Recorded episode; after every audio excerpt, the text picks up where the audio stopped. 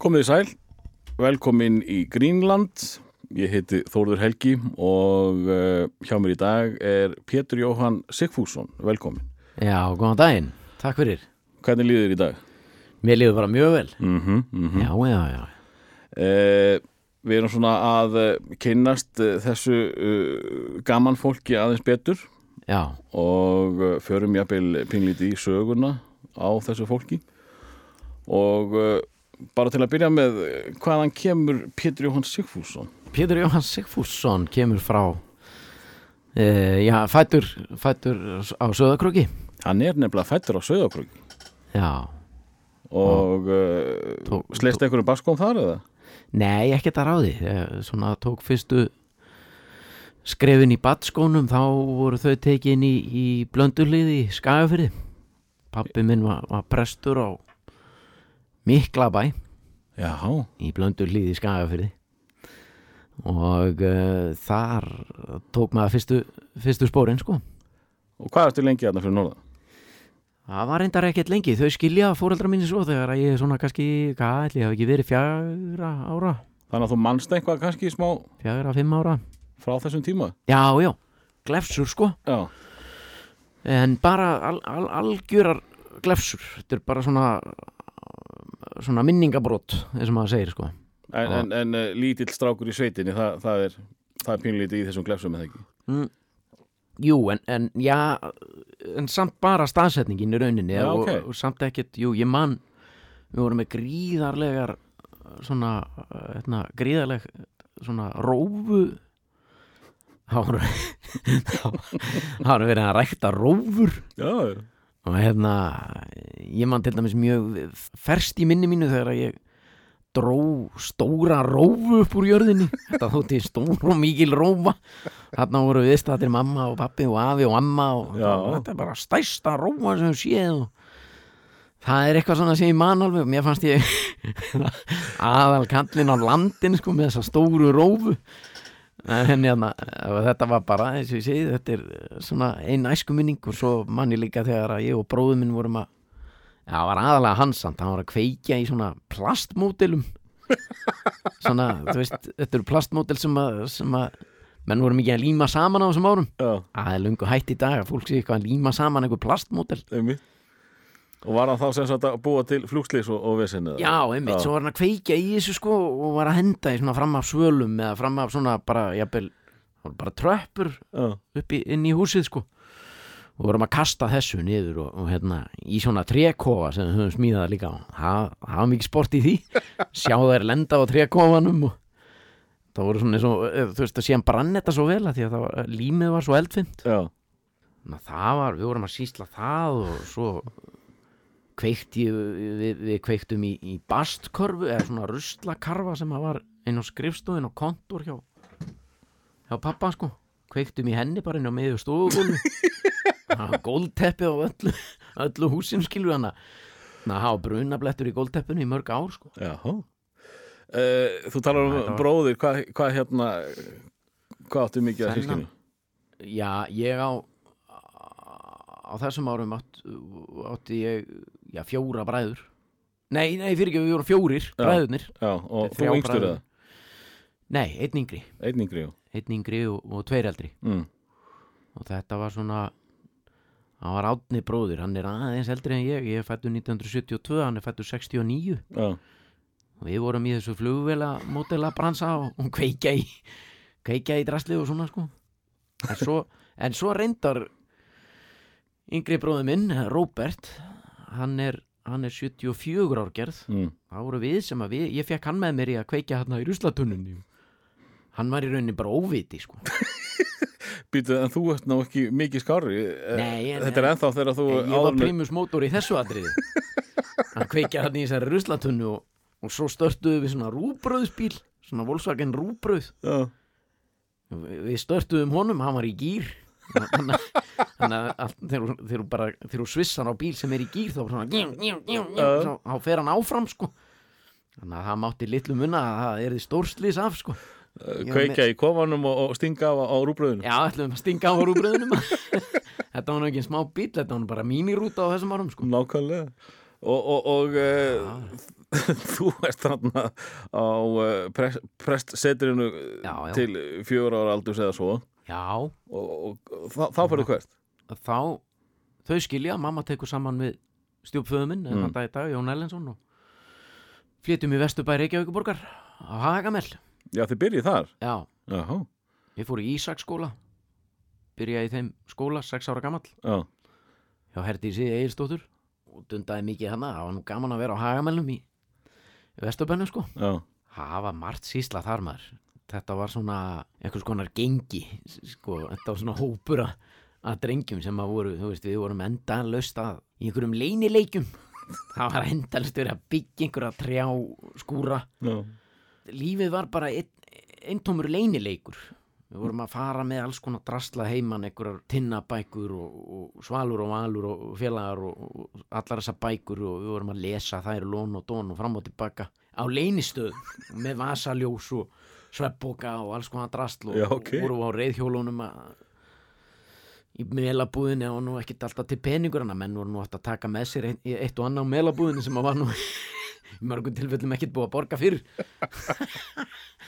Þetta, þetta byrjar ekki vel, Pétur. Þú, þú ert Nei, nei, hérna, íkveikjari og, og, og þjófur já, og, og lifir í, í, í, í leini í heimi leini heim Já, þetta var, þetta var, þetta var svo mikið eitthvað svona místík eða svona, það var svo mikið leini eitthvað í gangi maður. Hva, Veistu hvað það kemur í hausuna þér? Eða var þetta bara það tíðarandinn þessar þarna? myndir held ég, sko, njóstnamyndir og Sim- Simon Templari og þú veist þetta njóstna, James Bond og maður var alveg heillaður, ég var náttúrulega mjög snemma heillaður af bíómyndum. Og, og svona leynilögruglu myndir, sko, sem að ég var alveg heillaður af. Og svo náttúrulega, þú veist, kom Star Wars í kjölfærið því. Mm. En, en hérna, ég, maður var bara heillaður að svona þessum, þessum leiniheimi það var mjög gaman að vera að njóstna við vorum endalis að njóstna skegnast á glugga hjá fólki. Og vera svona eitthvað að sníklast fyrir utan og, og, og dýraat og allt þetta ruglmaður já. Hvað er það í dag? dýraat, þetta er alveg búið þykir það ekkert fyndið? Ég, alltaf sami gæðin sem var alltaf skemmtilegast að dingla hjá gæðin sem var, var, var alltaf reyðastur alltaf, djöfulan er það að gera þá fekk maður alveg út úr þessu sko maður lág út í runna og heyrði eitthvað svona ég reyngi bara á laurugluna var svona yes-faktorinn já, ég veit nákvæmlega hvað er ég heima þá svona, yes, það er gaman og, og varstu svolítið í þessum leini heimi meðan þú varst í Vesturbænum? Hvað varstu lengi í Ísaskóla? bara í- í- í- þangað til ég fór í áttórabekk fór í áttórabekk í flataskóla í Garðabæ sko. Ég er bara svona að veltaði fyrir mér hvaðan þessi Já. óstíláti Pétur verður til eh, ég var ekkit endilega óstýrlátur. Nei, ég var, held ég, mjög prúður í, í skóla og svoleiðis. Já. Já, ég held ekkit um það, ég var það sko. Mm en, en, en hérna Þú varst brallari. ég, ég, ég bara var í slæmi félagskap Nei Nei, veist, náttúrulega- líðurinn Já, ég Já. nefni að þetta var bara góður hópur drengja sko sem að við vorum svo sem ekki að gera neitt á okkur í rauninni sko Nei, nei. við vorum bara að njóstna og gera bjöllu að og en svo náttúrulega kynntist ég mjög góðum drengarna sem að ég var mikið með sem að þetta er Birgir Guðmundsson mm. og hann átti það mesta svap- safn af Playmo sem að ég hefði nokkuð tíma séð við gátum dreift úr okkur inn í allri stofun hans þegar við fengum að vera þar. Hún var, hún var mikið stofan var svona svæði sko, hann átti heima í íbúðinu við hliðina mér á Hagamælum Já, já, við fengum ekkert alltaf að vera inn í stofu. Þá, hún var svo mikið hún var svo mikið mikið punt. punt. Var Playmo, var það málið þegar þú varst krakki? já, Já, það var algjörlega bæði Playmo og, og strumparnir líka sko. Mm. Hann átti gríðarlegt svona Playmo-safn eins og ég segi, við komum dreift úr okkur stof hann hefur verið bara 80 fermetrar og hann átti bara ævintýra heim sko.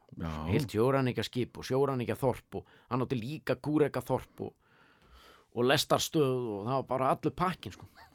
þetta var bara, eins og ég segi heilt ævintýra heimur og ef hann var sl mjög slæmt viður þá vorum við bara í já. ég og Bibbi Þú varst kannski þekktastur fyrir að vera uh, garbæja drengur sem sé það er ekki norðanmaðurinn Pétur, það er ekki vesturbæingurinn Pétur, það er Pétur Jóhann frá Garðabæ. Æga allir í manni sko, sama hvar maður kemur. Já, já, þannig að það er sama hvort að ég er í skagafyrinu eða, eða, eða vestubarinn náttúrulega, ég stoppaði svo stutt þar. Já, það voru ekki nema skeið ykkur 2-3 ár held ég. Einmitt.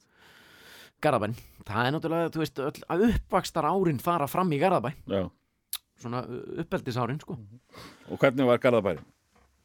Hann var líka góður maður. Það var, það var margt síslað þar. Eins og ég segi, ég var 8 ára gamall byrja í flattaskóla kynnist nú mjög snemma Guðmundur Steingrímsinni sem er náttúrulega sonur Steingríms hittins Hermanssonar uh, blessu sér minning hans og, og hérna, ekki Guðmundur, heldur Steingríms. Mm. ég og Gummi náttúrulega hérna, það var rosalegt sem að við sísluðum ég og Gummi, Gummi er mjög svipar og ég svona að upplæði sko er, við náttúrulega duttum inn í allt þetta Star Wars stót, hann átti gríðalegt Star Wars stót, ég svolítið svona hengdi mig á menn sem átti Sem bara meira dót. En maður sér það kannski ekki í dag sér maður það ekki alveg fyrir sér að uh, þú og uh, fyrirvændi þingmaður uh, Bjartara framtíðar uh, Guðmundur Stengursson hefðu verið uh, bestu félagar í, í Star Wars leikjum. nei, nei, þetta er þetta er staðrænt samt Þetta er staðarinn. Já, og hérna, og reyndar ekki bara Star Wars, við vorum að þú veist, þetta á Garðabær á þessum árum líka þú veist, nú tala maður eins og maður sé uh, 60 ára gamall en þú veist, Garðabærin á þessum árum, það var náttúrulega gríðarlega rosa mikil æfintýra heimur það var Mm. mikil uppbygging og mikið af Nýbyggingum og... nýbyggingum og, og það var mikið hægt að leika sér þar og, og þú veist, uh, já, uh, fóreldrar mínu búa ennþá uh, þú veist, á Arnarnesi Mm. Og þar var náttúrulega bara fjara og þú veist, maður gætt farið út snemma á mótnana og komið heim bara sent á kvöldin og það var enginn að spá í hvað maður var að gera. Þannig að þú veist, þetta var svona svolítið eins og sveit í bæ Já, sko, og við vorum að byggja fleka í fjörunni og að reyna þú veist, að fá þá til að fljóta og, og byggja svona lítil skip og fá það til að fljóta, það var- alltaf kostur ef þetta gætt flotið og maður gætt staðið á þessu. Já, og svo þegar snjúrin koma þá varu brekkur hann um allt og maður með sleða þú veist eins og ég segið og, og, og mikið paradís. krökkum, hvað segirðu? bara paradís. Þetta var paradís, mikið af krökkum í göttunni og, og við vorum mjög yðin við að búa til alls konar leiki, þú veist, það var tútubissu leikir á, sum, á sumrin, sko. Ég farið í tútubissu stríðin við Guðuna T.H. Jóhannesson, sko. Skilum við forseta voran og, og bróðir hans, Patrik Jóhannesson ég er búin að dundra dundra hérna mæsbönum í rassina á þeim báðum, sko. Og þeir í minn. Þannig að hérna þú veist, þetta er bara Hérna, voru túttubissu á summi var þá ekki snjókast á, á, á veturna? Jú, jú, snjókast líka, sko Já, ég, ég er nefnilega mann sko hérna, heima í Njarvík þá voru göturnar uh, liðin. Já, já Það var bara götur. gatna sko. á milli gatna Og Arnanesi, það voru sikkur hliðin á Já. þetta skiptist í bara tvær hliðar og þetta, þetta var sem sagt uh, bara tvekja, uh, tvekja hliða stríð sko.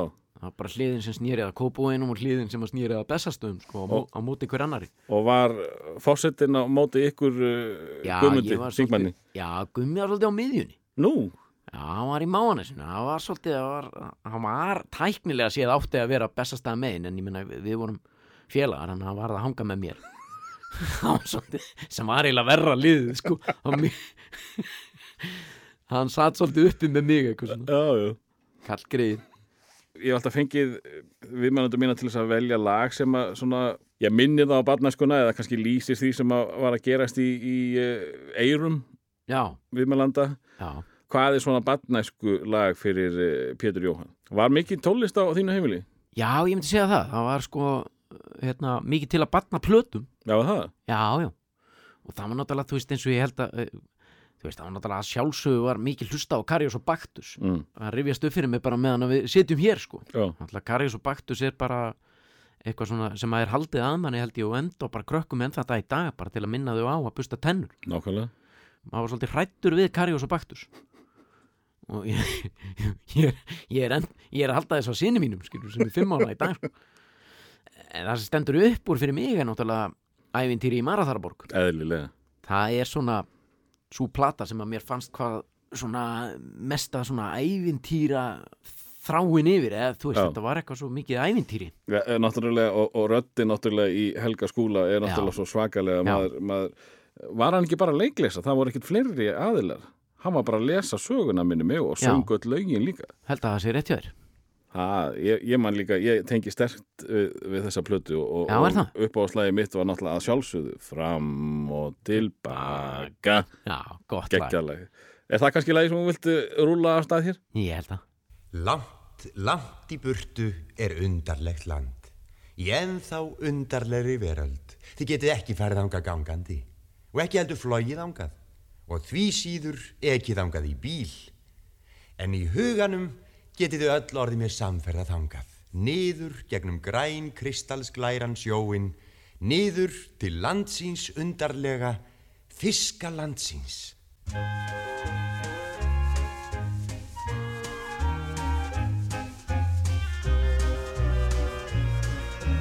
Fram og tilbaka, fram og tilbaka Far þú með okkur í fiskalönd Nú flykkjumst í bátinn og ítum frá strönd. Við setjumst á þófturnar hlið við hlið Og höldum svo út á hinn kunnumið Fram og tilbaka, fram og tilbaka.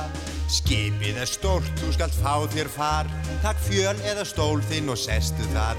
Og leik að þú hafir í höndum ár. Í huganum fyllt okkur vínur smár.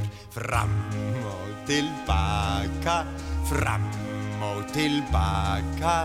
Áfram hlýr báting hvert áratóg Örrat við berumst hinn ligna vog. Svo freyðir um stefni það gengur glatt. Nú gistum við fiska en land skal kvatt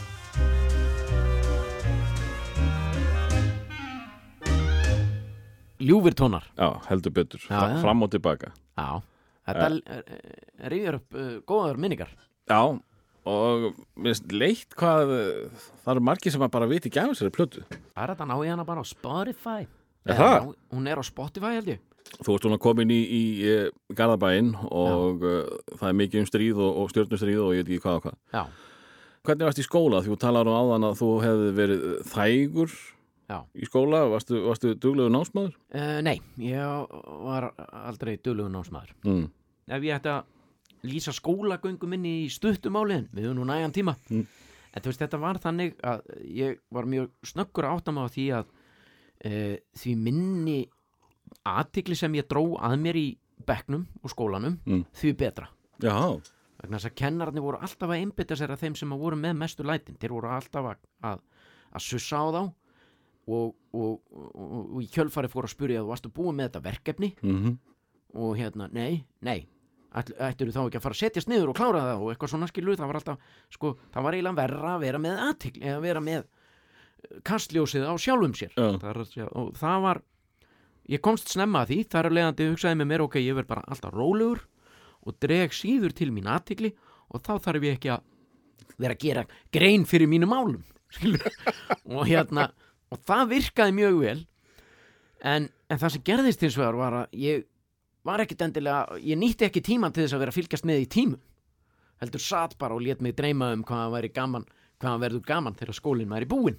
Hvað ég ætla að fara að gera þá. Já, horfa át um gluggan og öfundast út í krakkana sem voru búnir í skólanum og voru úti að leika sér og hugsaði með mig hvað verður gaman þegar ég kemst til þeirra og eitthvað svona skilur og var ekkit að fylgjast með í tímum svo kom ég heim og mamma hérna náttúrulega sagði já já þegar Pétur minn viltu nú ekki fara að læra og þá satt ég inn í herbyggi bara í svona cirka þann tíma ég gaf mér kannski einn og halvan tíma eða eitthvað bara svona sem að ég myndi telja að henni fyndist trúverðugt að, sá, að það var í tíminn sem að já. færi ég að læra svo kom ég og ég eitti honum ekkit í að læra Nei, nei. satt bara inn í herbyggi og veið ég er ekki þumbið maður svo kom ég bara fram með ég er búin að læra maður og fór út að leika svo kom að loka prófum og þá var þetta alltaf bara tveir og þrýr og fjórir og eitthvað Já. svona sko. Og þá var mamma bara satt hún bara með kennarann á móti kennarann ég skil bara ekki hvernig þetta hann Pétur minn, ég meina, er hann, er hann kennari sagði alltaf, jú, já, hann er prúður og góður í tímum og, og situr og hann, hann virðist vera að hlusta á. Já, hann kemur heim og hann lærir og lærir og lærir segir mamma, hvernig stendur á því að hann fær bara tvo og þrjá? Þetta er bara hvaða fínblan gangur er þetta? Það er einhver ekki að standa sig hér. Og komstu upp um plottið? Já, ég meina, síðan viðkendi ég bara ég væri bara ekki að læra, skilur já, sem ég var, ég, þú veist var bara eh, var ekkert að því sko. Varstu ekki búin að kveingja á þessum trúðslátum sem að þú hefur nú verið þekktu fyrir þegar þú ert í, í, í barna og grunnskóla? Þú, þú lætur lítið fyrir þið fara til að lenda ekki kennara? Já, eða, eða varstu síðan já, í svaka stuði þegar skólinn var frá eða hvað Já, kannski frekar sko, Mm. bara í kringum svona ættingi á vinni sko. Já. ég fór, ég fór lét, lítið fyrir mig fara í skólanum og, og svona, þú veist, ég var ekki að gefa kost á mér í neinar nefndir það var mikið um svona nefnda Já. nefndarstarf sko þú veist, þú gast verið í alls konar klúbum ég fór reyndar í skíðaklúbin mm. ég er skíðamaður sko einmitt en þú, svo voru alls konar klúbar, það var náttúrulega skemmtinemnd og það var kvikmyndaklúbur og það var hinnir þessir klúbar, hinnir og þessir klúbar og þú gast gefið kost á þér í hinnir og þessir nefndir og verið formaður skemmtinemndar og alls konar sko. Og ég var, var ekkert í því. Ekki neitt? Nei, Nei. engan metnaði að löngun í það sko. Að- Notaður að þessa fram. allan tíma meðan þú varst í, í skóla að- að vera ekki fyrir kennarunum, að lenda ekki í kennarunum já, svolítið, Já, og ganga vörðunum nei, þú veist, þetta var bara, já, ég tranaði mér það er mjög oft sem að ég hef hitt gamla skólafjalla sem sem að segja þetta, þú veist, maður maður man eftir en þú Mm. mjög lítið áberandi sko. Eh, Þú talar um skíði, varstu, varstu mikið í íþróttum með það? uh, nei, Nei. í raunin ekki jú, ég, ég reyndi að sprikla í, í mörgu, sko Mm. og hérna, að því myndist nú að Patrik Jóhannesson, ég meina við, við, æfum að handbólta saman félagarnir, sko. Já, þið félagarnir. Ja, hann var nú, hann var nú Aðeins betri. Tölvöld betri, já. Svo ekki sé meira sagt. Þú veist, ég meira sé það flosnaði upp úr þessu hjá manni eins og svo, hjá svo mörgum þú veist, bara í, tíu, í kringum 10, 11, 12 ára aldur sko. Já, og umhald í kringum íþróttir í dag hjá börnum í, það er miklu meira, fóreldrarnir eru miklu, svona, miklu meira einhvern veginn á æfingum held ég og reka á æfingar og að sjá um það- fyrir Já, krakkana. þú veist, ég, það var ekkert, fólk var ekkert svona mikið að spá í þessu hvort að maður væri á æfingu eða hvort að maður mætti eða mætti ekki, sko. Ég hefði líklega aldrei orðin eitt sterkur íþróttamaður, sko. Ég hefði horfist í augu við staðrendir. Ég er bara þannig byggður, einhvern veginn. Já, er ekki, ekki önnur löppin eitthvað stýttri eða eitthvað svolítið? Annar fóturinn á mér er stittri, Já. aðeins. Það samt, kemur ekkert að sög, sko. Ég er ekki með hryggskekkju eða nýtt. Það, ég held að heiti, ég, ég er með lága vöðvaspennu. hvað þýð það? Ég veit ekki, það, það bara eins og bara, bara eins og orðið gefið til kynna. Ég, ég er með lága vöðvaspennu. Þetta er, þetta, þetta er eitthvað sem að, sem að sjúkraþjálfari get, getur öruglega útskýrt betur. Já, en það er, þú veist, ég var sett til gangs. Ég byrjaði miklu setna að ganga heldur en gerist og gengur. Og var hérna og fór í sjúkraþjálfun þegar ég var yngri, eða þegar ég var mjög ungu maður og ég og- og var látin gera svona styrkingaræfingar sem að reynda svona minn er að þurfti að fara í líka sko. Nú, sem er núna, já, sem er fimm ára í dag sko. Sem er bara, sem að lýsi sér þannig að þú sko, þú veist, þú ert bara, hvað maður að segja sko hafður ekki kraftin til þess að að ganga? þröskuldur getur að vara vesen sko. Já, já, og, og það getur svona mishæð sko, og tröpp, að ganga upp tröppur að ma- notaði bara aðra löppin einhvern veginn og já, þetta er svona einhvern veginn bara, já, þú ert bara svona þeir eru bara, vöðvarnir eru linari held ég, heldur en hjá jafnöldrum sko. en svo lagast þetta með tímanum, ég er, er ekki endilega með linari vöðva heldur en einhver í dag, held ég sko. Nei, nei, nei, nei, ég minna, ég hljóp hálmarathon sko. Nákvæmlega, skulum ekki erum því. ekki gleyma því, Þóruður Helgi. Nei. Ha, En uh, þegar, þegar þú ert að, að, að eh, hérna, læra að ganga þá ertu með eitthvað skona spelkur og ég man Já, já. til þess að þú sagði mér að, að þú hefði þetta verið með hjálm. Já, já. Og verið mikið Já, bara detta á, á, á, á Já, svona púða. Já, með svona púðahjálm. Alveg bara yfir alla, allt höfuð sko, þetta var svona það var svona svipa og kannski hjólahjálmur Já, nema hann var bú, alveg bara púður. Það var hann var mjúkur á hann var mjúkur á alla kanta sko. þannig að ég myndi hvorki meiða mig nýja fólki í kringum og svo var ég ok. sérsmíðum skóm já, með stáltá. Bróði minn fekk að líða fyrir það. Ég sparka alltaf í sköplungin á honum ef ég var ósáttur. Eldri bróði minn sérst átni sem er fættur 1969 já, hann var náttúrulega sko þú veist á þessum árum voru þú veist eðlilega sískin er alltaf að stríða hvert öðru sko. Mm. og hérna ég leisti þau mál alltaf bara með að sparki sköplungin á og þá, þá var hann sko emjandi í marga klukkutíma eftir það. Það kom hann er ennþá umur í sköplungun en sem sagt uh, stáltáin kom sterkinn þar í, já, já. í, í svona þegar var eitthvað, eitthvað vesin í gangi. Ég var alltaf að syngja raula eitthvað lag sem að fóru alveg smakalið töðnar á honum og ég söng það bara því að fóru töðnar á honum. Og þetta er, lag, þetta er ekkit lag sem er ekki til en ég bjóða til og það var svona Hjepolípo panit Hjepolípo panit. Og það var alltaf hætt að syngja þetta maður, þetta er ekki lag, jú. Hjepolípo panit. Hættu þessu, þýðu með þetta lag og panit. Og svo pú, sparkaði ég sköpungin á hann og panit. Sem, sem var mest að steipa hann Og panit þetta er, þetta er brent í minni hans. Já, greinlega þínu líka. Já, já, við rifjum þetta ennþá upp sko. Og panit En hérna, Sat á herbyggiskóluninni Herbyggin með og líp og Hann hafði fyrir því að fara úr sínu herbyggi og segja bara Hann er að hætta að syngja þetta lag. Vitandi það, þetta enda bara með góður sparki í sköflung Já, já. Uh, uh, Ég veit líka til að- þess að þú varst hérna þú varst matvaldur þegar þú varst yngri Við ættum kannski að hljóðrita þetta lag. Er það ekki? Ég heyri bara smelli í þessu sko. Og panit. Já, og panit. Já, við spáum, spáum í því. Já, En já, ég var mjög matvandur, það er rétt. Það er rétt í þér, Þórður. Og hérna, ég fann lausnir á öllu. Það er nokkuð ljóst. Þú, þú leggst þér að systeminu heyri ég bara Já. þegar maður er, að- er að hlusta á þig. Mamma og pappi voru mjög hérna áfram um það að allir kláruðu matinn sinn. Já, Ég fann alls konar lausnir. Stundum, ég sat oftast lengst af öllum. Mm, Það var búið að ganga frá öllu. Það voru allir löngu búnir að borða. Það var búið að taka alla diska á borðinu Búið að vaska allt upp. Það var allt frágengi Fólk var bara sest við sjónvarpið Eða bara sko, farið að hugsa sig til Til kvílu. Farið að busta tennu stundum. Og stundum sat ég ennþá eldúsborðið af Því að þau bara, þú, þú ferð ekki frá borðinu Býtum mig fyrir úr kláraði matið Ég fann lausn á þessu. Stundum tróði ég ma ma öllum matnum upp í mig. Mm. Bara ég, ég er með svona bollukinnar. Og ég gæti tróðið að fyrir eftir í hvernig matur var. Ef það var til dæmis plokkfiskur til dæmis mm, það var mjög auðvelt að tróða honum í allar, alla króka og kima í, í kjaftinum. Já, og maður gæti nokkurn veginn sagt takk fyrir mig.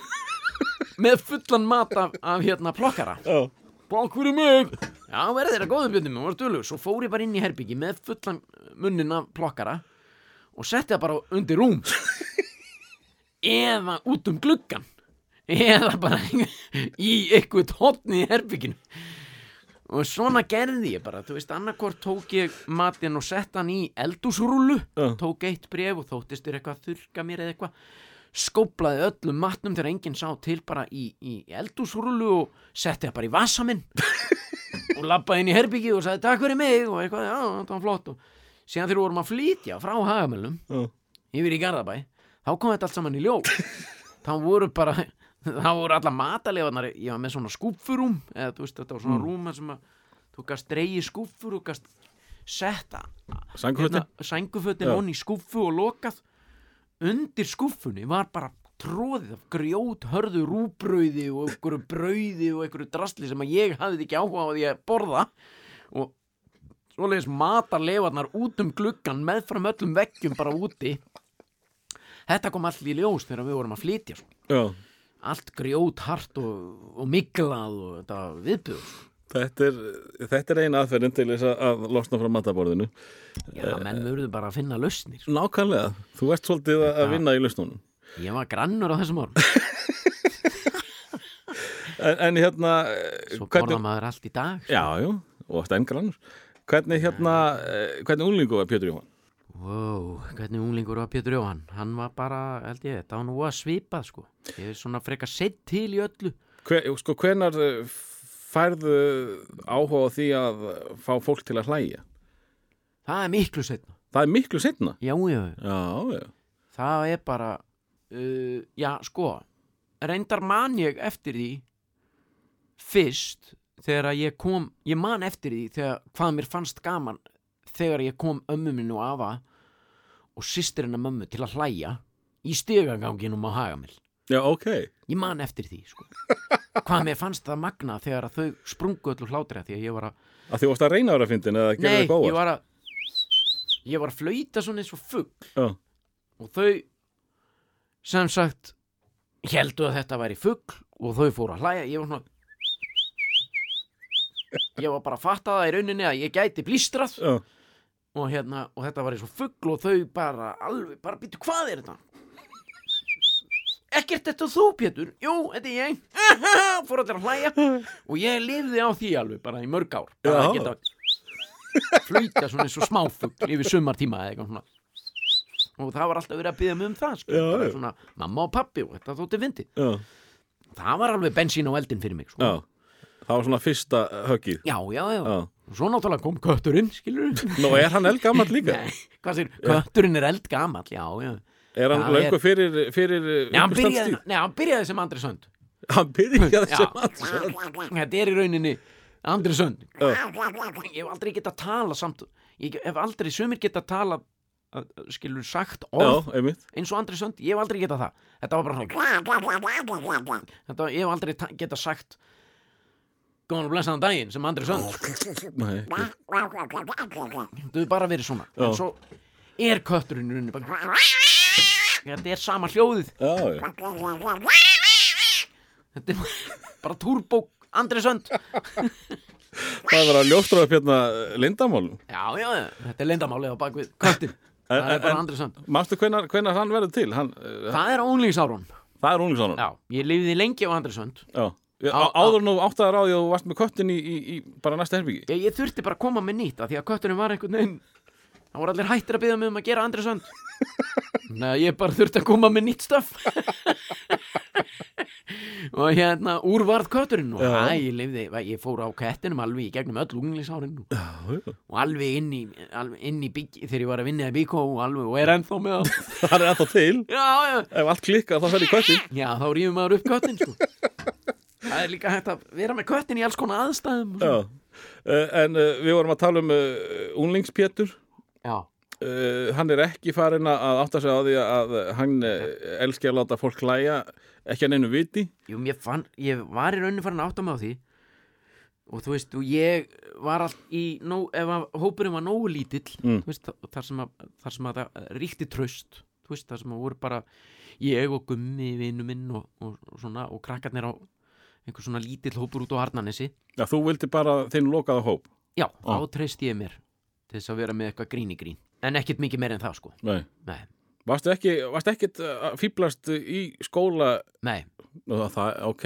Þá fór ég meira mér að ég vera töff. Já, eða reyna að vera töff. Já, ég veit af því þá byrjaði maður að sko spá í stelpum mm og, og einhver staðar komst maður að þeirri niðurstöðin í hausnum á sér að stelpur væru meira til í að vera með strákun sem væru töff Nákvæmlega. en ekki strákun sem væru með eitthvað grín. Já, af því þeir eru alltaf skotnar í öllum sko íþróttastrákunum og þeir voru töff. Mm og hérna og ég var náttúrulega ekkit, ég, þú veist, ég var eiginlega hættur að vera í íþróttum á þessum árum þannig að maður þurfti að grípa í einhver önnur, önnur ráð sko. Einhver önnur úrræði. Einhver önnur úræði og þá fór maður að vera þögull.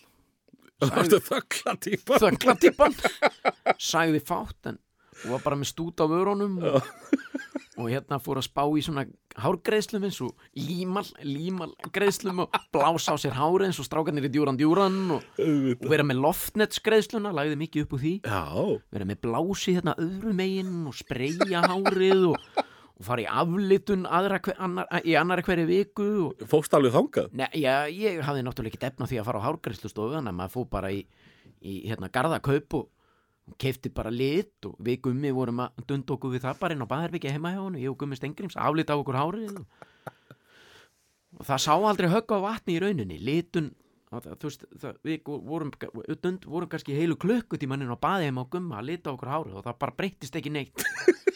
Svo fórum við opið hús í Garðalundi það voru svona blacklight svona, svona, svona perur sem lístu allt upp, mástu getið því? Svona perur þar sem að hvítar skýrtur urðu bara sjálflýsandi. Já. þá kom þetta allt í ljós. En það urðu ekkert ljósa stípur þetta varð bara grænt. Það, bara, veist, og það var ekki töff.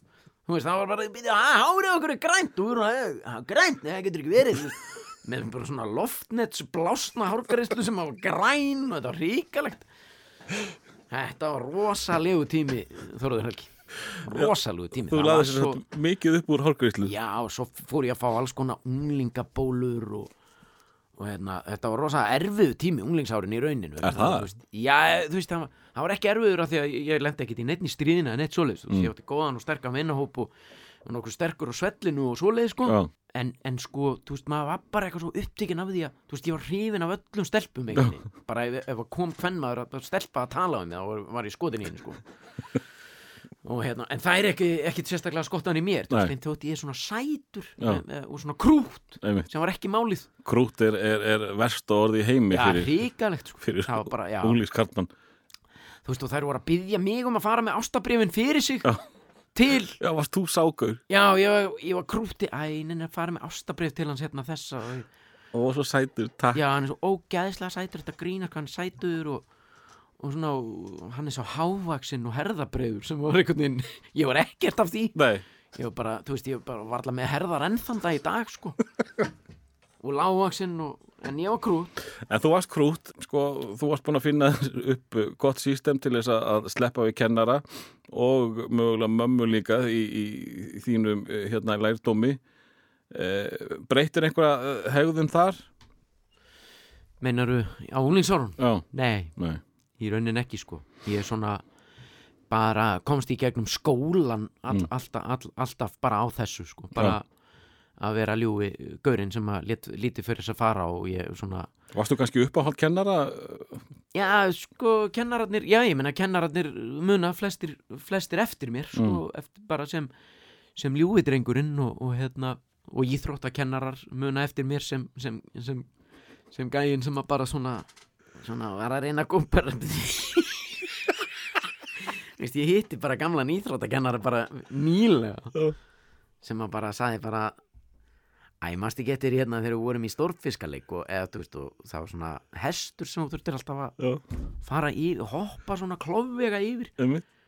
Ég klifraði alltaf yfir hann, hann gat og ég, ég gat aldrei hann gat ekki, hann sagði ég, ég man eftir því hvað ég þurfti að eyða miklum tíma í að kenna þér að fara í kollnís ég heldur að ég aldrei náði ég gat ekkert farið í kollnís, ég hef ekki kunnað að fara í kollnís Já, bara alla mína hunds og katta tíð ég veit ekki hvernig maður á að gera þetta. Þetta er bara eitthvað þetta er bara ekki kerfinu hjá mér. Nei. En, en hérna, þú reyndir samt fyrir þér uh, í uh, fegurarsankjöfni já, það er, það, ég fór í fegurasakandi Já, en það var bara reynda bölva klúður. Nú Já, sko, það átti hver bekkur að kjósa einn til þess að fara fyrir sína hönd í fegurferð til að keppa í herra og ungfrú garðalundur og það var búið að kjósa skilur hérna í mínum bekk. Og sá gaur hann, annarkvort, hann vildi ekki taka þátt eða var veikur. Mm. og svo sem var á eftir hann vildi ekki heldur taka þátt. Já. og svona kolla kolli hann á úrvarð að ég var sendur. Krútið. Þetta var einhver svona skítaredding grínlaust Ok, þannig að það þarfst að hlaupa fram hér svolítið mörgu til að ná já, þér. bara við sátum upp einhvern veginn. Pétur, ég meina þú verður bara að taka þetta. Og ég einhvern veginn, já, já, ég let til leiðast. Ég ekki spurja mig af hverju. Og mamma veist, þetta var nú þannig að ég Var þetta alveg serious keppni? þetta var mjög þetta var tekið mjög alvarlega sko. Það var búið til stórt og mikið svið í grifjunni þetta var, grif, þetta var svona stór og mikil grifja og er Mm. í garðaskóla og, og það var búið til bara, bara svona runway Já, catwalk. já, catwalk það var bara það var gengið og það var té á endanum skilur þar sem þú þurfti að lappa til hægri og lappa alveg yfir til vinstri og vangur svona og lappa og taka snúning og, og það var bara tónlist undir og spotlight og þetta var að farið alla leið í þessu. Og, og hvernig eh, tókst þú? ég fæ bara svona hausverk einhvern veginn í enni þegar ég er að tala um þetta bara, ég fæ bara svona framheila vesen eitthvað, Og hvað hérna? þetta er svo óþægilegt að tala um þetta maður. Þú hefur ekki farið þetta í flippi, þú ætlaðir að bara... ég ætlaði náttúrulega að verða mínum back til ég ætlaði að verða mínum back til sóma. Já, þannig að mamma fór með mig og ég gleymi aldrei þess að þú veist, þau voru nú þó við höfum búið á harnanisinu þá var þetta nú þannig að við sko, menn voru ekkert eitthvað að sletta skýrin ef, ef svo með orðið komast. Ég var mikið til í fötum bara af bróðir mínum. Veist, ég, fötin gengur bara mann á milli. Og hérna en í þessu tilfelli þá ákvað hún að fara með mig í, á einhvern svona fatamarkað. Já, gera vel við kallinn og við fórum í skeifuna og fundum svona einhvern fatamarkað þar og fatamarkaðir er nú yfirleitt að selja fött sem eru ný en þau voru samt ekki að koma í verslanir. Þetta er fött sem e- hafa aldrei verið notuð en þau voru tveggja til þryggja ára gömur já, ok. og fundum einhverja buksur sem voru alltaf stórar á mig og því var redda bara með axlaböndum. Bara ef við tökum axlabönd á þetta og þá náðu þær bara upp fyrir nafla. Þú veist, einhverja skýrtu sem bara sem var ekkit í tísku og einhver að slaufa til mynda mér einhvers staðar í þessari munderingu sko. Og þarna ertu að reyna að vera töff. Ég, mér fannst þetta Já. þá ég kom veist, á svæðið? Já, þá voru allir í nýjustu tísku. Skilur þá voru allir bara fóru bara allir í karnabæ eða eitthvað svona og Mm. keftu bara svona föt sem að voru Töff þá? Já, Já. sem voru svolítið í tísku þá ég vissi þetta ekkert ég, ég fattaði það ekki fyrir en ég kom bara þarna og það voru allir bara í nýjustu tísku það voru allir bara einhvern veginn rosa flottir maður og, en til að gera langa svo stutta og lendi ég ekki, ég lendi ekki neinu sæti held ég að við verið bara, þú veist, í átjánda sæti sko, sem var bara eins, mörg, eins mikið af fólki og tók þátt í keppninni sko. þetta var rosalegt maður ég, ég býðis ekki bætur maður. En þú veist, nefnir að þetta var ekkert. Ég var aldrei neitt sko. Nei, nei, en uh, það var ekki langt í fyrirstöðu bransan æðislega gott að eiga þetta á CV-inu að, hafa tekið þátt í herra, ungfrú og herra Garalundur Já, ég er ekki frá því. Uh, því við erum veit úlingar þarna Pétur, já, hvað hérna sko, þú varst í Maratharaborg uh, sem uh, bad, hvað, hvað var úlingspétur að að hlusta á? Ég varð sko fyrir rosa miklum áhrifum frá eldri bróðum mínum. Að því að sko við bara vorum með herbyggi hlið við hlið Já. og það var þunnur veggur á milli svona spónablötu veggur með 70 mm grind og, Mhm. og ullin var örgulega farin bara, hún, það var ekkert mikil Greinilega vanur maður úr bíkóð þarna, ég veit Já. ekki hvort að segja. Nei, nei, ullin var farin að setjast skilu hann að heyrðist vel á milli. Já, nei, þannig að við vorum, ég var, varð fyrir miklum áhrifum frá honum þannig að þú veist og hann var að hlusta á sko bara Talking Heads mm, Cure New Order mm. þú veist og, og meira segja líka Aretha Franklin. Nú, eitthvað svona skrítistöff inn á milli Grace Jones og, og svoleiði stöff sko. Já, og svo náttúrulega Gummi Steingríms og bróðir hans líka hann var með alls konar sko, veist, það var Supertramp og, og David Bowie og, og svoleiði skilur Mm. þannig að ég, það var ég, ég svona á æsku minningar úr öllu þessu dóti skilur þannig að mjög erfitt fyrir mig að finna eitthvað eitt lag sem hafiði mestu áhrifin á mig en en þú varst náttúrulega yfirlýstur uh, Já, ég DM-aður ég er yfir, yfir ég, ég er yfirlýstur DM, Deepesh Mode maður. Já, byrjaði mjög snemma að hlusta á Deepesh Mode sko, 101 platan náttúrulega kom hann að hvenar 89 hún kom 89, já þá er ég nú reyndar, þá fæ ég fekk bílpró 89, Já, þannig að við þurfum að fara aftar ég meina m- eh, sko, hven, Music for the Masses hvenær kom hún? hún er svona 87, 6 eða eitthvað slir ok, við þurfum að fara aftar, Broken Frame 84 eitthvað, Það er 83 held ég. 83 Eða 2 jafnvel. Já, ég, ég átti ég eignaðist hana og, Já, en, sko 80, sko, ég eignaðist hana en það var miklu setna sem ég eignast þá plötu. Mm. Hvað var á þeirri plötu, var stript á þeirri plötu Nei, það var á hérna Black Celebration já, það var á Black Celebration Hún er Hún er- 86 hún er 86 Já. Þá varstu hvað, 14 eða 13 stript, stri, já. Já. en stript er lag sem að ég hlustaði mikið á mm. en svo hlustaði ég líka mikið á sko, lag með David Bowie sem, sem að hérna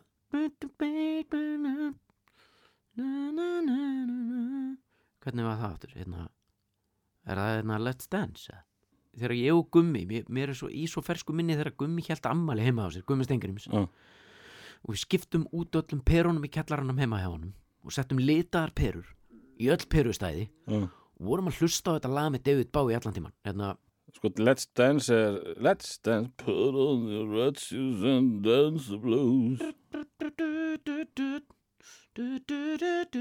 Já, Modern Love. Já, Modern Love.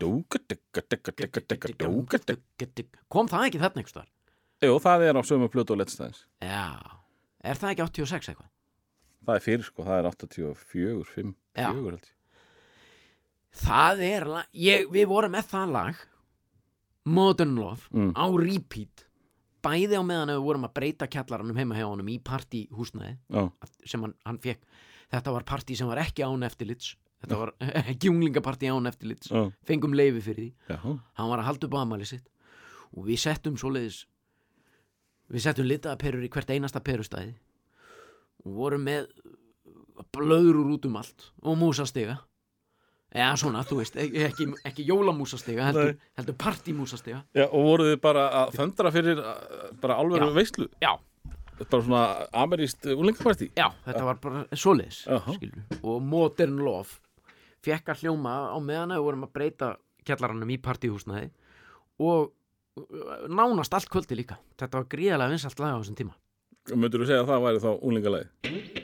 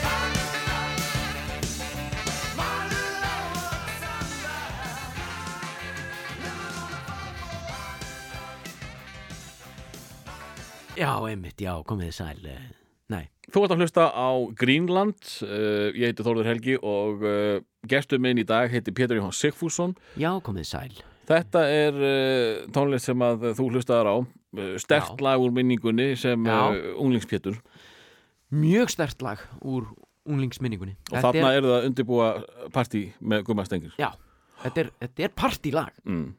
og hérna, já, réttu öður þarna var maður, þetta, var- þetta er þetta er hérna, þetta eldist ekkert þetta lag maður Nei, þetta er alveg eins. Það er ekkert að þessu. Já, þetta er mjög gott Uh, þú reyndi fyrir þér í, í fjölbreytti Garðabæði þegar ekki og, og á einhverjum tímapunkti þá tókst uh, að afleita höfuð þitt, það ekki?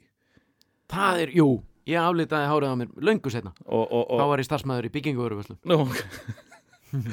en ef ég man rétt þá, þá hérna þá, þá ógstu um á töffarabíla það ekki, var það tvinkam og eitthvað svona leysið ekki Tvinkam, já, Ha? ég var hérna ég hef alltaf verið heillaður á bílum mm.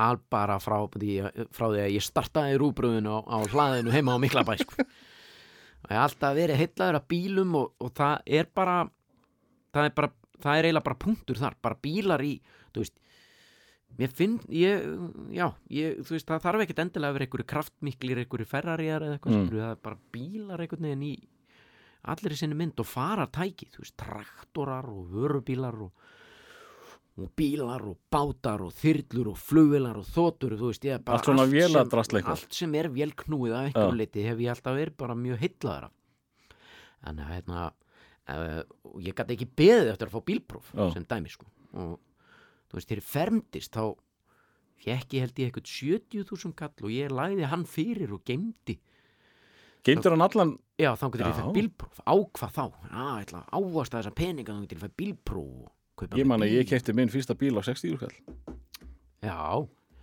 það er vel að verki staðið En sko bróði minn sem ég hef komið hér inn á áður Mm. sem er fættur, þrem, eh, hvað er hann? 69, já, þreymur árum áður en ég fæðist mm -hmm. Þar að leiðandi þreymur árum eldri en ég. Hann kefti sér náttúrulega fyrsti bílinn sem hann kefti sér var, var Mercedes Benz hann var búin að ákveða það fyrir löngu löngu síðan. Já, 280 SE eh, gleymi höfum bíl aldrei svakalega flottu bíl leður klættur í hólfu og glá- gólf og, og hérna og með eikar mælaborði og svakalegt svona teppi Mm. sá bíl svo seldi hann þann bíl og kefti sér í nýjan úr kassanum Suzuki Swift. Já, 1987 árgerð af Suzuki Swift rauðum með 1300 vél, tvinkam, 16 vella beinni í spyttingu svakalegt tæki, 101 hestafl sem þótti nú töluvert mikið á þessum árum. Og þetta manstu? Já, ég maður bara eins og þetta hefði gerst í gær. Já, hérna. Mér dreymir stundum hennan bíl. Stundum þegar ég er sofandi þá var ég að keira hennan bíl. Alveg, alveg, þú veist og, og þegar hann fekk hennan bíl, ég gleymi aldrei mér ég varð alveg gjörsamlega bara sko, hérna, bara heilla, sko, ja, þú veist þetta var bara einhver svona þráhyggja mm. varð að eignast hennan bíl sem ég gerði þegar að hann, ég kefti hann á honum Já. já, já, þegar ég fekk bílpróf þá akkurat var hann að flytja út til Þýskalands í meira nám ætlaði að fara að læra arkitektúr í Stuttgart í Þýskalandi já. Og úr varð að ég tók við þessum bíl, borgaði út einhverja lámarks útborgun og, að, og held áfram að borga afborganir af þessum bíl. Mm. sem voru nú helvín töluvert háar afborganir með mann í skóla. Þá var ég í fjöl, fjölbyrð í Garðabæ og, og átti nú að vera að einbytta mér að en en, en, en, en, en, en gerði það nú ekki. Ég get sagt þér það Dóti, að þegar ég fekk bílprófið ég rúntaði held ég stanslaust á þess að sofa í svona þrjá sólarhinga frá því að ég byrj, mátti keira bílinn og þangað til ég bara sopnaði nánast undir stýri. Þetta var rosalegt. Já, ég já, svaf ekkert í þrjá sólarhinga þannig að þú ert ekkert að grínast. Þetta var bara draumurinn að fara að Já. rúnda á, á, á Já. töffarabíl. Þetta var bara draumurinn. Og ég held í fávisku minni einhvern veginn að ég fengi fleiri stelpur. Mm. Veist, þarna ég er svona, já. Mm. ok stelpunar, Það- ok. ég, ég er ekki að ná í þar hér. Ég er ekki með því að taka þátt í fjögur samkeppni ekki með því að vera með stút á vörunum og blási hár eins og djúran djúran strákanir og ekki með því að aflita á mér hári og vera í köflóttri skýrtu með lakrísbindi ég fæ þær þegar ég fæ bílpróf Mhm. og fæ mér GTE bíl. Nákvæmlega, en allt kom fyrir ekki. Það klikkaði. Nei, það er þeim fannst það ekkert. Eitthvað, Þú veist, það er fóru bara að vera með eldri strákum með eitthvað skilur veist, þetta, það var bara eitthvað, það er fundu sér eitthvað annað. Og, og hérna Ég fekk að skutla þeim heim eftir skóla mestalagi Litli, litli krúti. Hei krút, er skutla okkur heim. Eh, hérna, hérna Já, eh, svona. hvað gafstu uh, fjölbröð langan tíma áður nú fórst bara að bruna á vinnumarkaðin 40 einingar. Ég held ég að við náðum mér í Já, ég, ég held að það sé samt varlega ég, Mestalagi 40 einingar. Ég var alveg í sko fjóra rannir. Já, Þú ættir svona góðun ásmaður að ná sér í 20 einingar á enn. Mm. ég held ég hafi á fjórum önnum náð mér í tæplega 40 37 eða 8 einingar kannski. Það var nú gaman að ringja í fjölbrytt og aðtóa hvað, hvað ég á margar einingar hjá þeim minni Var það þá bara uh, vannraksla, varstu lítið að mæta eða nei nei ég mætti allt maður en, en, en bara náði fáum áfengum mm, og hérna ég var náttúrulega að rúnda sko. nákvæmlega? nei nei maður þurfti að rúnda mikið og vinna mikið með fram skóla Og hvað varstu að vinna þá? Eh, sem, sem dæmi var ég að vinna hjá Hagkup í kerrónum og ég er ennþann dag í dag að vinna fyrir Hagkup að einhverju leiti sem skemmtarnastjúrin Já. ég réði mig í kerrutna maður í kringlunni var ansið liðtækur í því Mm, svo mm. vann ég í standsetningu bíla Já, nýjum bílum með það? hvað séru? Á nýjum bílum með Já. það? ég var nein jól hjá Steinarmusík mér að segja Nú, nú. Já, já. Það voru góð jól. Þá var ég, þá var ég að vinna fyrir, í Hakup í skeifunni. Já, Það var svona upphækkað bás. Steinar músík já, var sér eining inn í Hakup í skeifunni og básinn var hærra, hann stóð hærra heldur en öll búðin. já, Þar hitt ég, kynntist ég strák sem ég þekki ennþá þetta sem heitir Þór Guðmundsson. já. Hann var verslunstjóri í þessum bás og við spiluðum bara Deepest Mode, held ég öll jólin. Þetta voru jólin 89-90, bara eins og gerst hefði ég er. Í, í búðinni eða? Já. Nei, Jó, við vorum með Deepest Mode var ekkert klukna hljóm eða neitt svo leið? Nei, nei, nei, Nei. Þarna þessi jól kom Violator út eða, eða þarna rétt fyrir jólin. Violator diskóri með, með Deepest Mode við vorum með hann í á repeat bara dag, alla, daginn út og daginn. Við vorum lítið með jólalög. Þessi jólin það var bara og Violator diskóri með Mode Svo ferðu uh, fljótlega í, í Bíkó Já, og það, svo, þá, svo bara voru afborgarnar orðnar svo háar ég varð að fara að vinna bara. Og, og fólk Það það, uh, sko. þarna úti þekki pínlítið söguna inn á þaðan Já. uh, sko, en þá varstu vantarlega farin að áttaði á því að þú sést uh, ansið duglegur í að láta fólk uh, fara að hlæja? Þar fór það að aukast. Já, Já, þú veist, ég, ég byrja að vinna í, í, í Bíkó uh, tæplega tvítur, ég var 19, hvernig verið tvítur, það er 1900, hérna, hvað er ég? 92 gerir það fyrir. Hvað sér, 92, Já. með mitt 92, uh, ég byrjað bara í janúar eða februar, af því ég man að þeir gáðu mér, þegar ég byrjaði í timbursölunni, þeir fljótlega, eða skilur, ég var nýbyrjað, tiltölulega nýbyrjaður þegar ég var tvítur Já, og þeir gáðu mér þá stærstu vodkaflösku sem ég séð á æfuminni samstagsfélaga minni í, í timbursölunni þegar Já. ég var tvítur já, þetta var bara, þetta var örugglega einn og hálfu lítir eða eitthvað sko. Gáðu mér hana, þeir sett hana, þeir límd hana á svona speil og vöfðin inn í sellofan já, ég átti hana í nokkur ár sko, Nú. ósnerta með innsiklinu og öllu svo sá ég svo mikið eftir því að hafa, hafa te tekið innsiklið og, og, og drukki hana hann ég setti vatni í hana og hafa hana, hafa hana þannig inn í stofu heilengi bara með vatni. Þetta var lottast amalisku sem ég að fengi með þú fer nú eitthvað að, að leika þér að kunnum já, síðan var maður, veist, á þessum árum veist, þetta voru, sem ég segi, ég var tvítur og mér eldri menn að vinna Já, eða þannig, þeir voru kannski 27-8 ára, ég Einmitt. tvítur horfði mikið upp til þeirra og geri enn Mm. þetta, voru, þetta, þetta eru svolítið árin sem að maður verður að manni mér, og þeir kendu mér svolítið að vinna og, og kendu mér mjög margt í rauninni sko. Mm. og, og, en að samanskapi voru svolítið að e, hvernig hafa ég orðað þetta Mannaði eitthvað? mana mig í grín Já, já, svolítið þannig sko. þeir voru náttúrulega líka bara grínara sjálfur og þetta á timbursala og það var mikið að gera á þessum árum það var mikil uppbygging og, já, og hérna og það var rosalega mikið að gera á þessum árum bara, þú veist, fáránlega mikið það var það mikið að gera við þurftum oft að vinna bara langt fram á kvöld til að gera tilbúið fyrir daginn eftir sko. já, já. og hérna, og já, já, þá eins og segir, hérna voru menn að fýblast aðeins sko ha, það var svo margt sem að bæði sem að ég var að fýblast og þeir voru að fýblast á Gretar Hilmarsson var mikill grínari og hann er reyndar ennþá að vinna í Bíkó, Bíkó í Kópúi Mm. gleymi aldrei þegar hann þú veist, við vorum yfirleitt allan daginn daginn út og daginn inn, saman á hvort að vetur eða sumar eða haust eða voru eða hvað vorum alltaf í kraftgalla já.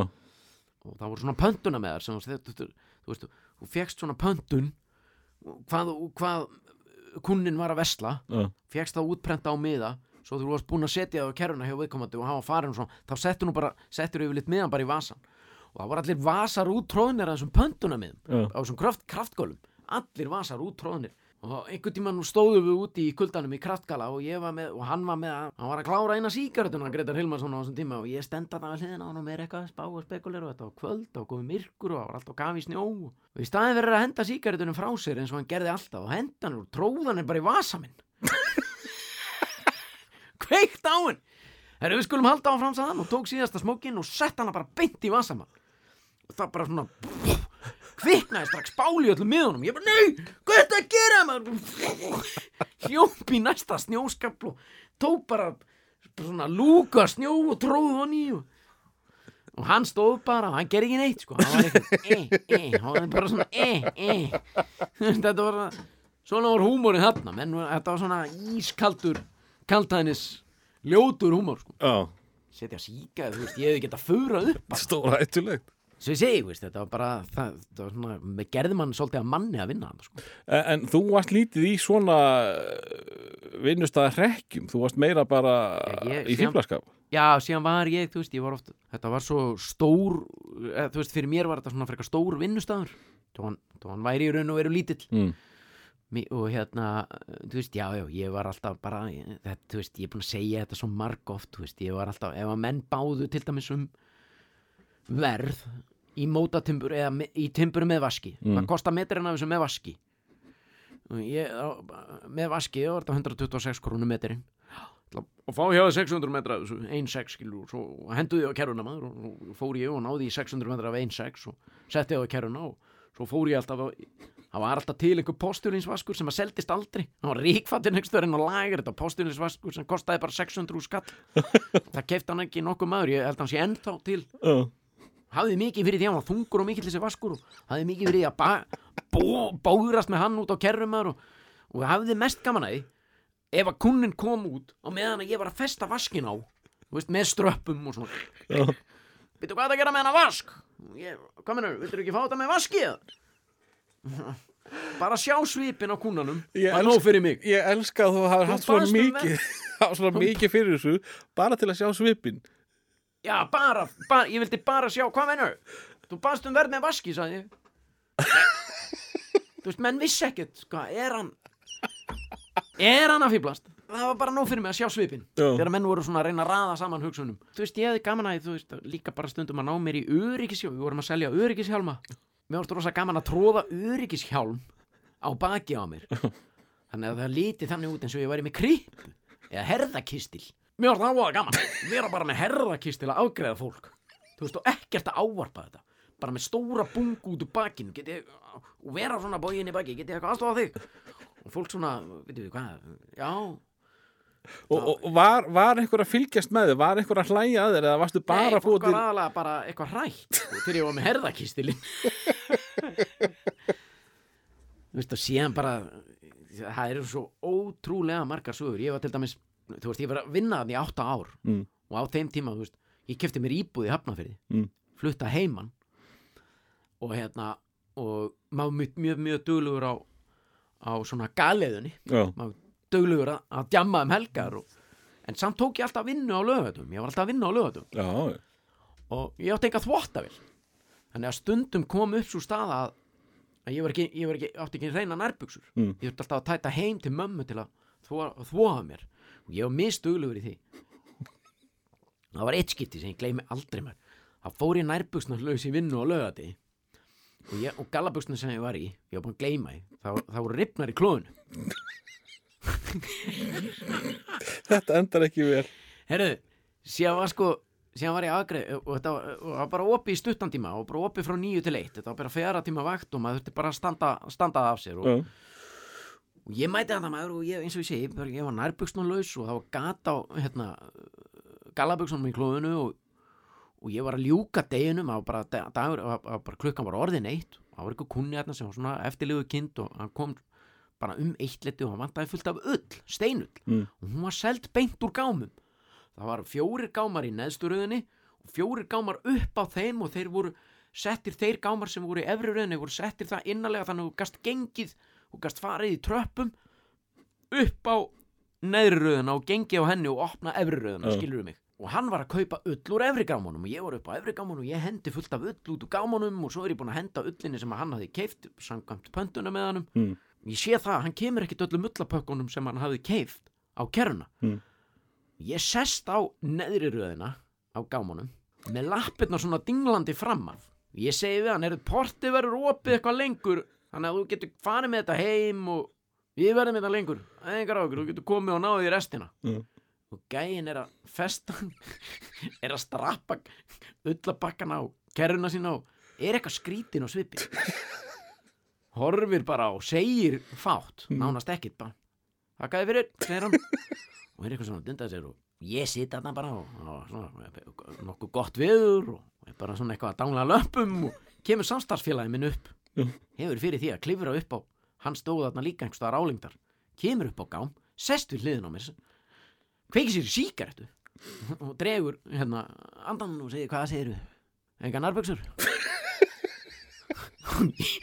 ég svona vissi ekki hvað hann var að tala um. Held kannski, þú veist, enga nærböksur hvað meinar, segi ég. Þú er ákveð að sleppa að vera í nærböksum í dag, segir hann. Ég er hvað, hvernig veist þú það? Er mér liti niður í klófið á mér þá er bara annað eistað úti. Bókstaflega. Það er bara ann, önnur hliðin á punktnum á mér hangi bara það út.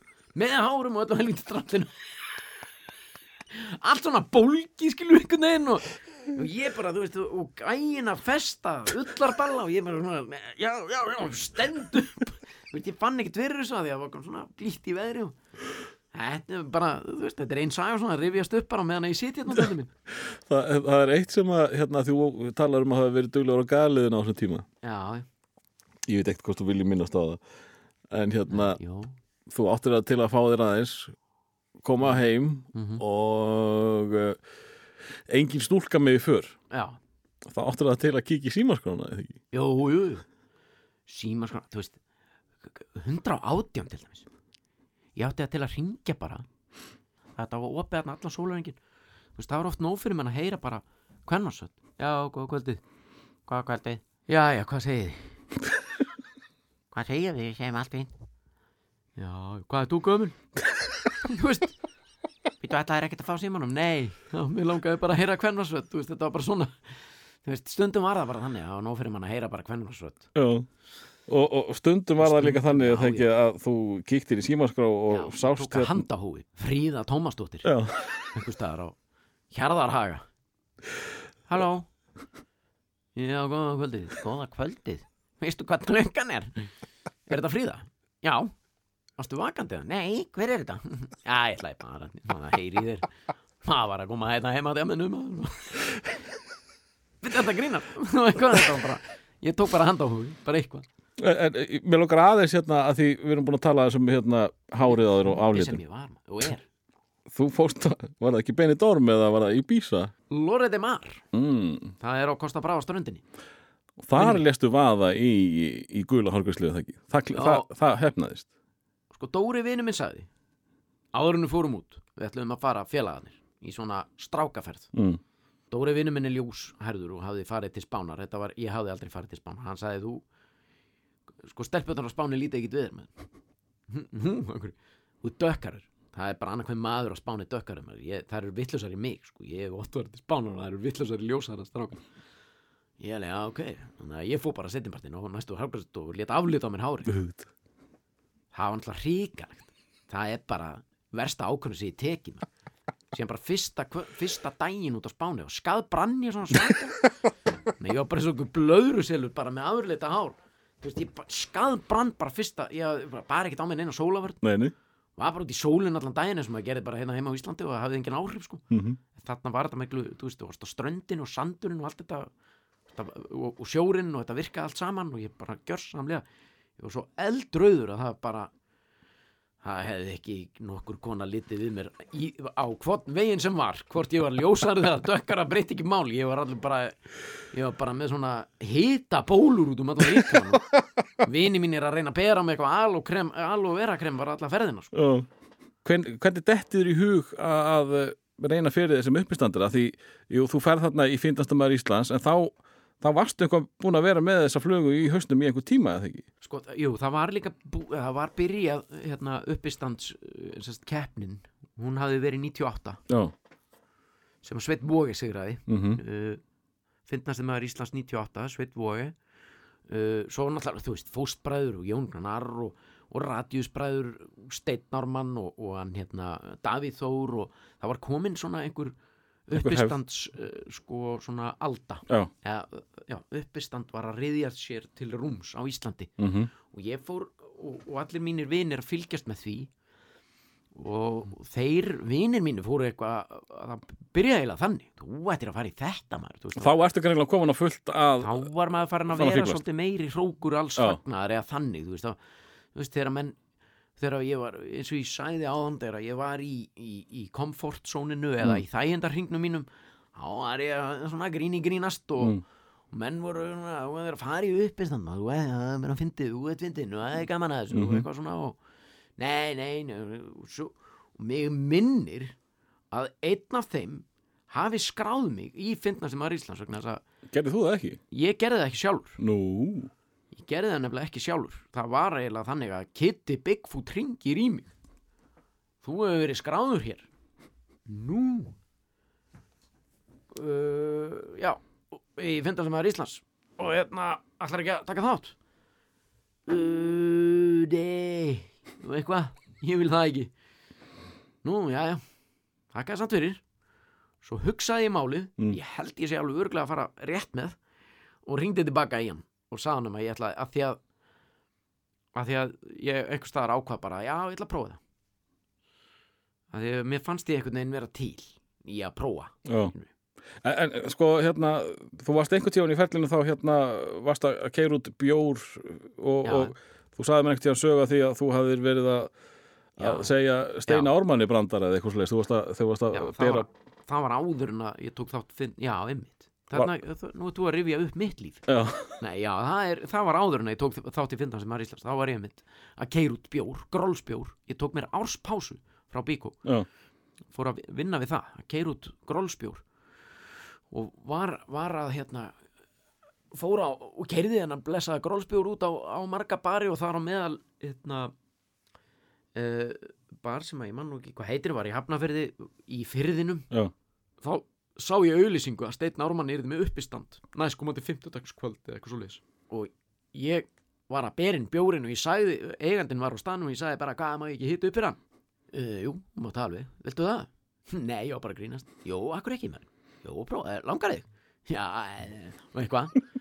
Sem ég gerði, Þú það var hrikalegt. Var það fyrsta það var, kikið? í- já, þetta er fyrsta skipti sem ég stóð upp á sviði fyrir framann fólk í þeim tilgangi að reyna að vera fyndin fyrir Já, og það var hrikalegt það var bara, það bara hló ekki nokkur einasti kjaftur sko já, það. stóðu, sátu bara allir bara hvað er maðurinn að gera Og hvað, hvað varst að vinna með? Bíkósugur? ég mannaði ekki maður, Nei. nei, þetta var eitthvað ræðilegt maður, eitthvað bara eitthvað bara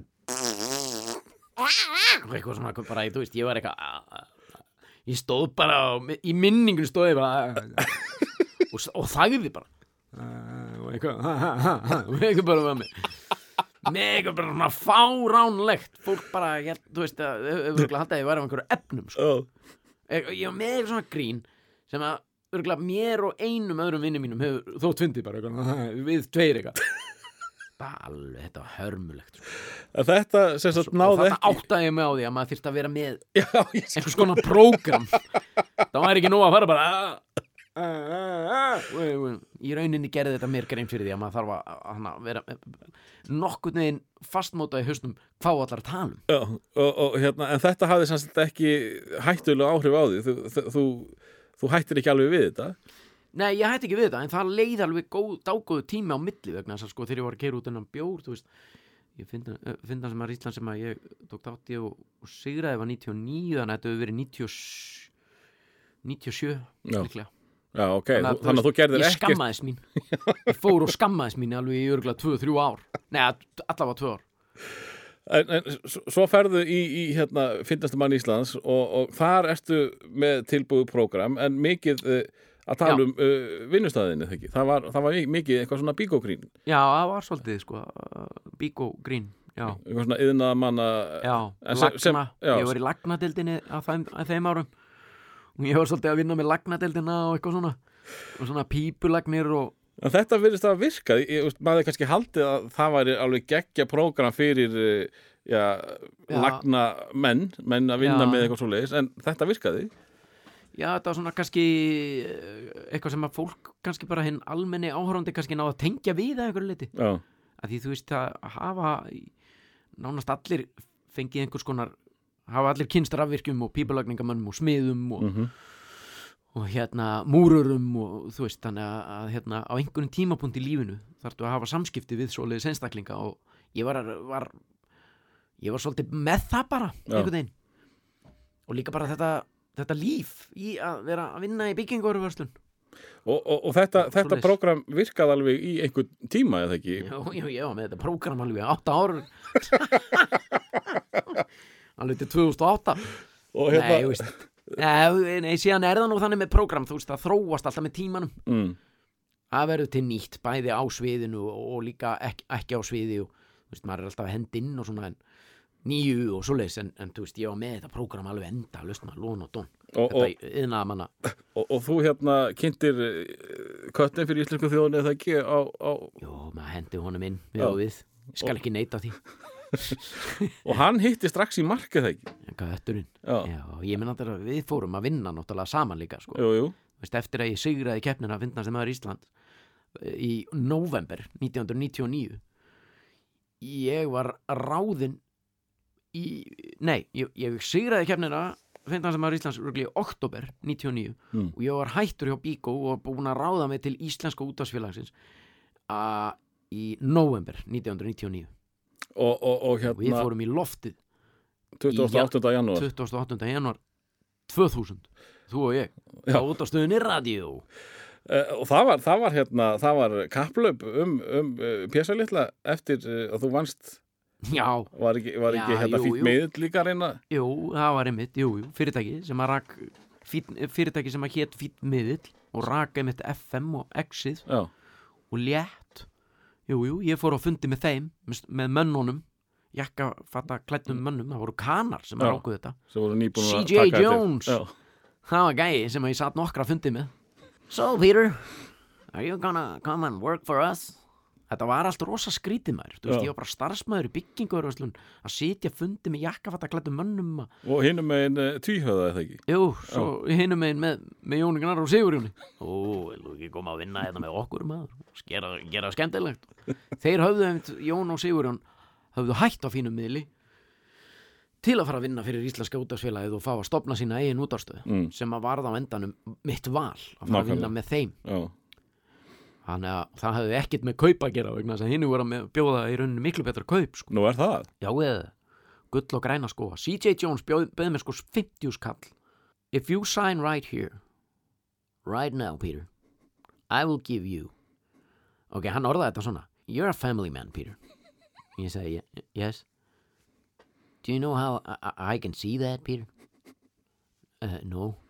Because I'm a family man family man myself, Peter And family man brings to be, needs to bring eitthvað, hérna, þú veist, home the the bacon. The bacon. Mm. Don't you think your wife will be happy if you'll sign right now and I will give you 50,000 hann ætla að borga með 50 skall eða ég myndi undir þetta samningin þarna á stanum en nei. Ég ákvað að sleppa því. Fara að vinna með Jóni og Sigurjóni Jóni. Gnar og Sigurjóni Gjertansinni þú sér nú vall eftir því. Nei ég sá aldrei eftir því og hefur aldrei gert sko. og, og, og enda líka, þú veist, endaði nú með því að fyrirtæki sem ég byrjaði að vinna með keifti hitt fyrirtæki nákvæmlega. Það var allt söðlað undir sama hatt. Og, og þarna var sem sagt uh, voru yfirmenn þínir uh, Jón Gnar og, og, Sigurðan Kjartansson já, sem að segja sér kannski pínlítið sjálft að það hefur ekki verið ömulegu tími. Ná, mjög góðu tími mér Vá, það var bara Þetta eru bara bestu yfirmenn, yfirmenn sem þú getur hugsaðir Já, og þú kannski margir sem telja að þetta er bara einhverju vitlýsingar en þetta eru bara álveru menn sem kunna að vera fyndni líka. Já, já, þeir voru Þeir heldu rétt á spilun heldur betur. Og voru að fylgjast með, þú veist, þeir komu reglulega inn í rýmið okkar að spá og spekulera og fylgjast með því sem við vorum að gera það og segja okkur til og, og hérna gríðarlega mikill styrkur fyrir mann svona þú veist, að byrja sín fyrstu spori í grínheimum að vinna með svona miklum fagmönnum. Mm en, en þínar fyrstu hugmyndir um uh, gott uh, útvarsprógram voru nú ekki verkilegar. Nei. Og þú náttúrulega sko hérna nú vil ég þú varst nú þér, þér þótti ég nú ekki merkilegu papír þú byrjaði nú á því að tilgæna með það dóti minn. Það er bara, er, ég ætla nú bara að láta þið vita því að ég er búin að vinna með alls konar trúðum í gegnum tíðina og hérna ég séð margt eða eitthvað, ég man ekki hvernig að voru þetta ég sá tíðinu daginn og mér ástof ekki sérstaklega að fyndin hana kannski verður að finna inn í útarpi, ég veit það ekki, en gangi ég vel kallið mig, hvað segir, hvernig langaði að hafa þetta?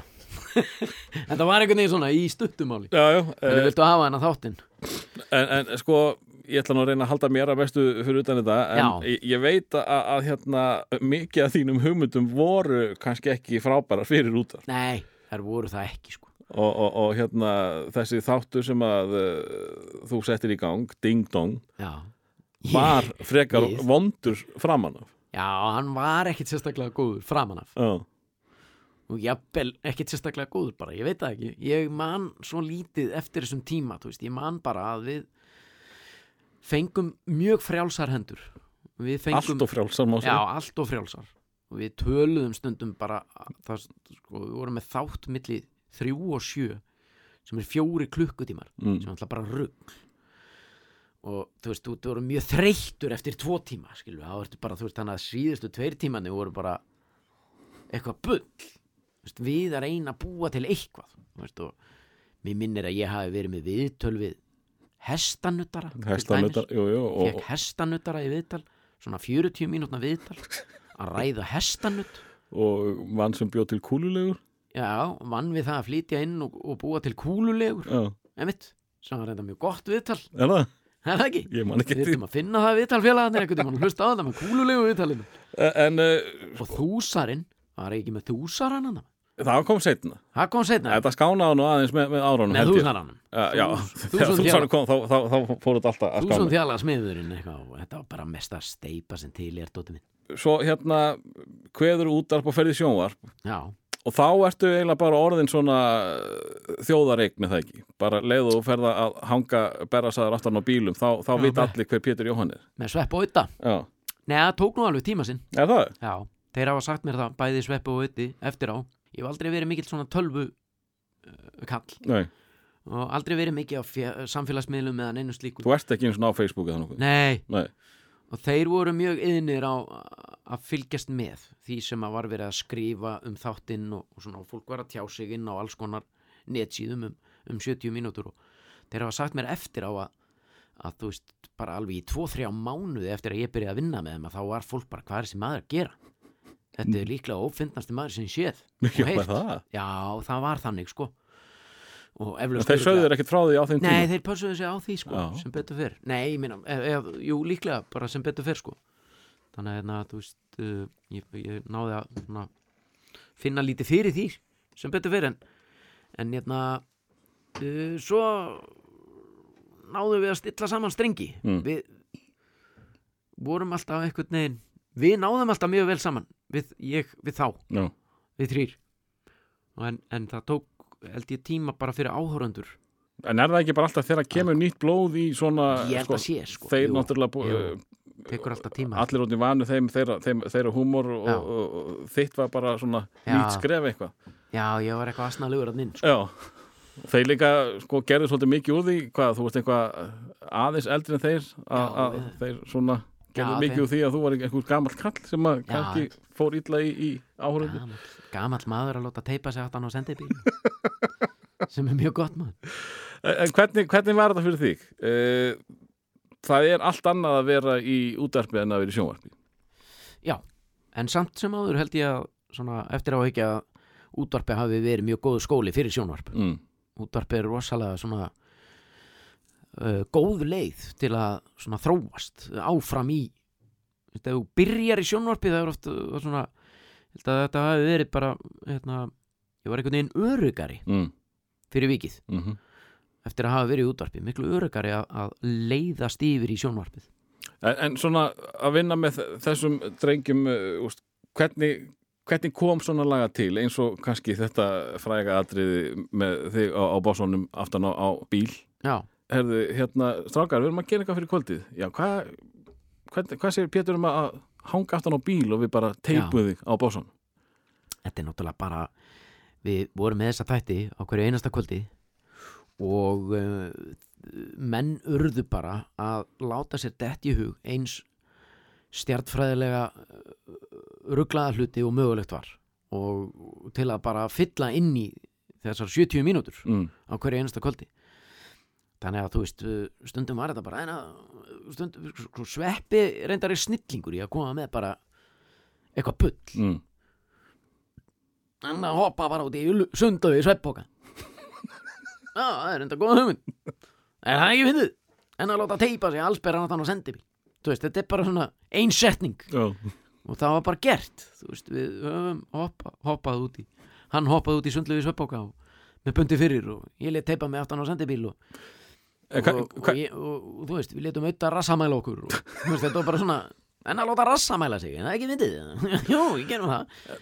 Talandi um þetta einmitt, að láta rassamæla sig með, með kameru á bossa sín eh, fyrir þig sem að eh, ég varst, jú, þú varst náttúrulega líka með uppistand og fólk vissi alveg hver Pétur Jóhann var, þú náttúrulega hýtaður upp fyrir Jón Gnar þegar hann var með þarna nördasýninguna sína, þannig að það vissu flest allir hver þú varst, en þú varst aðalega í einhverju vitleysu með, með keftið þínum í útarpi já, þarna varst þú fjölskyldumadur að, að hérna láta rassamælið í sjónvarpi. Já. Eh, var þetta ekki var þetta ekki svolítið skellur, var þetta ekki svolítið högg fyrir, já bæði, mennaru fyrir fyrir þig? Jú, þetta var náttúrulega allt, allt öðruvísi en það sem ég hafði verið að gera. Mm. og hérna var, var mikið uppalega sko, nei, ég geri þetta ekki. Það var ekkit, nei. Nei, raun, já, sko e, jú, e, sko e, það var ekki mikið um það, en það kom allt nokkru sinnum fyrir. Mm. en svo kom líka tímapunktur mjög snemma í ferlinu þar sem ég bara slefti tökunum á því já, þar sem ég hugsaði bara með mér fuck it. Já, já uh, fuck it eða bara ég er ég er jafn döðu hvort þið er. Í rauninni, það breytir yngum máli maður. Ég bara ég ætla bara að láta þetta gossa sko.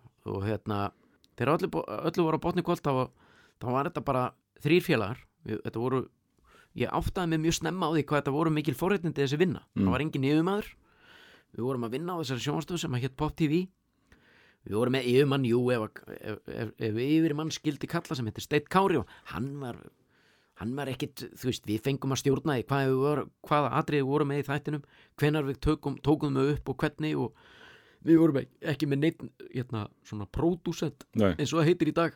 Ef það þurfti að taka upp atriði þá þurftum við bara að kasta upp á hver af okkur gerði það skilur þannig að við vorum bara þrýr að taka þau upp og við vorum bæði fyrir aftangameru og fyrir framgameru og það var alltaf einhvern veginn í okkar höndum og ég kunni mjög fljótt að meta það. Mér fannst það rosa gaman. Þetta var eiginlega bara þrýr strákar á svipuðum aldrei að gera hlutið sem að þeim fannst gaman að gera og fá borga fyrir það þið voruð góði félagar frá fyrstu mínútu og þið eru það enni það ekki?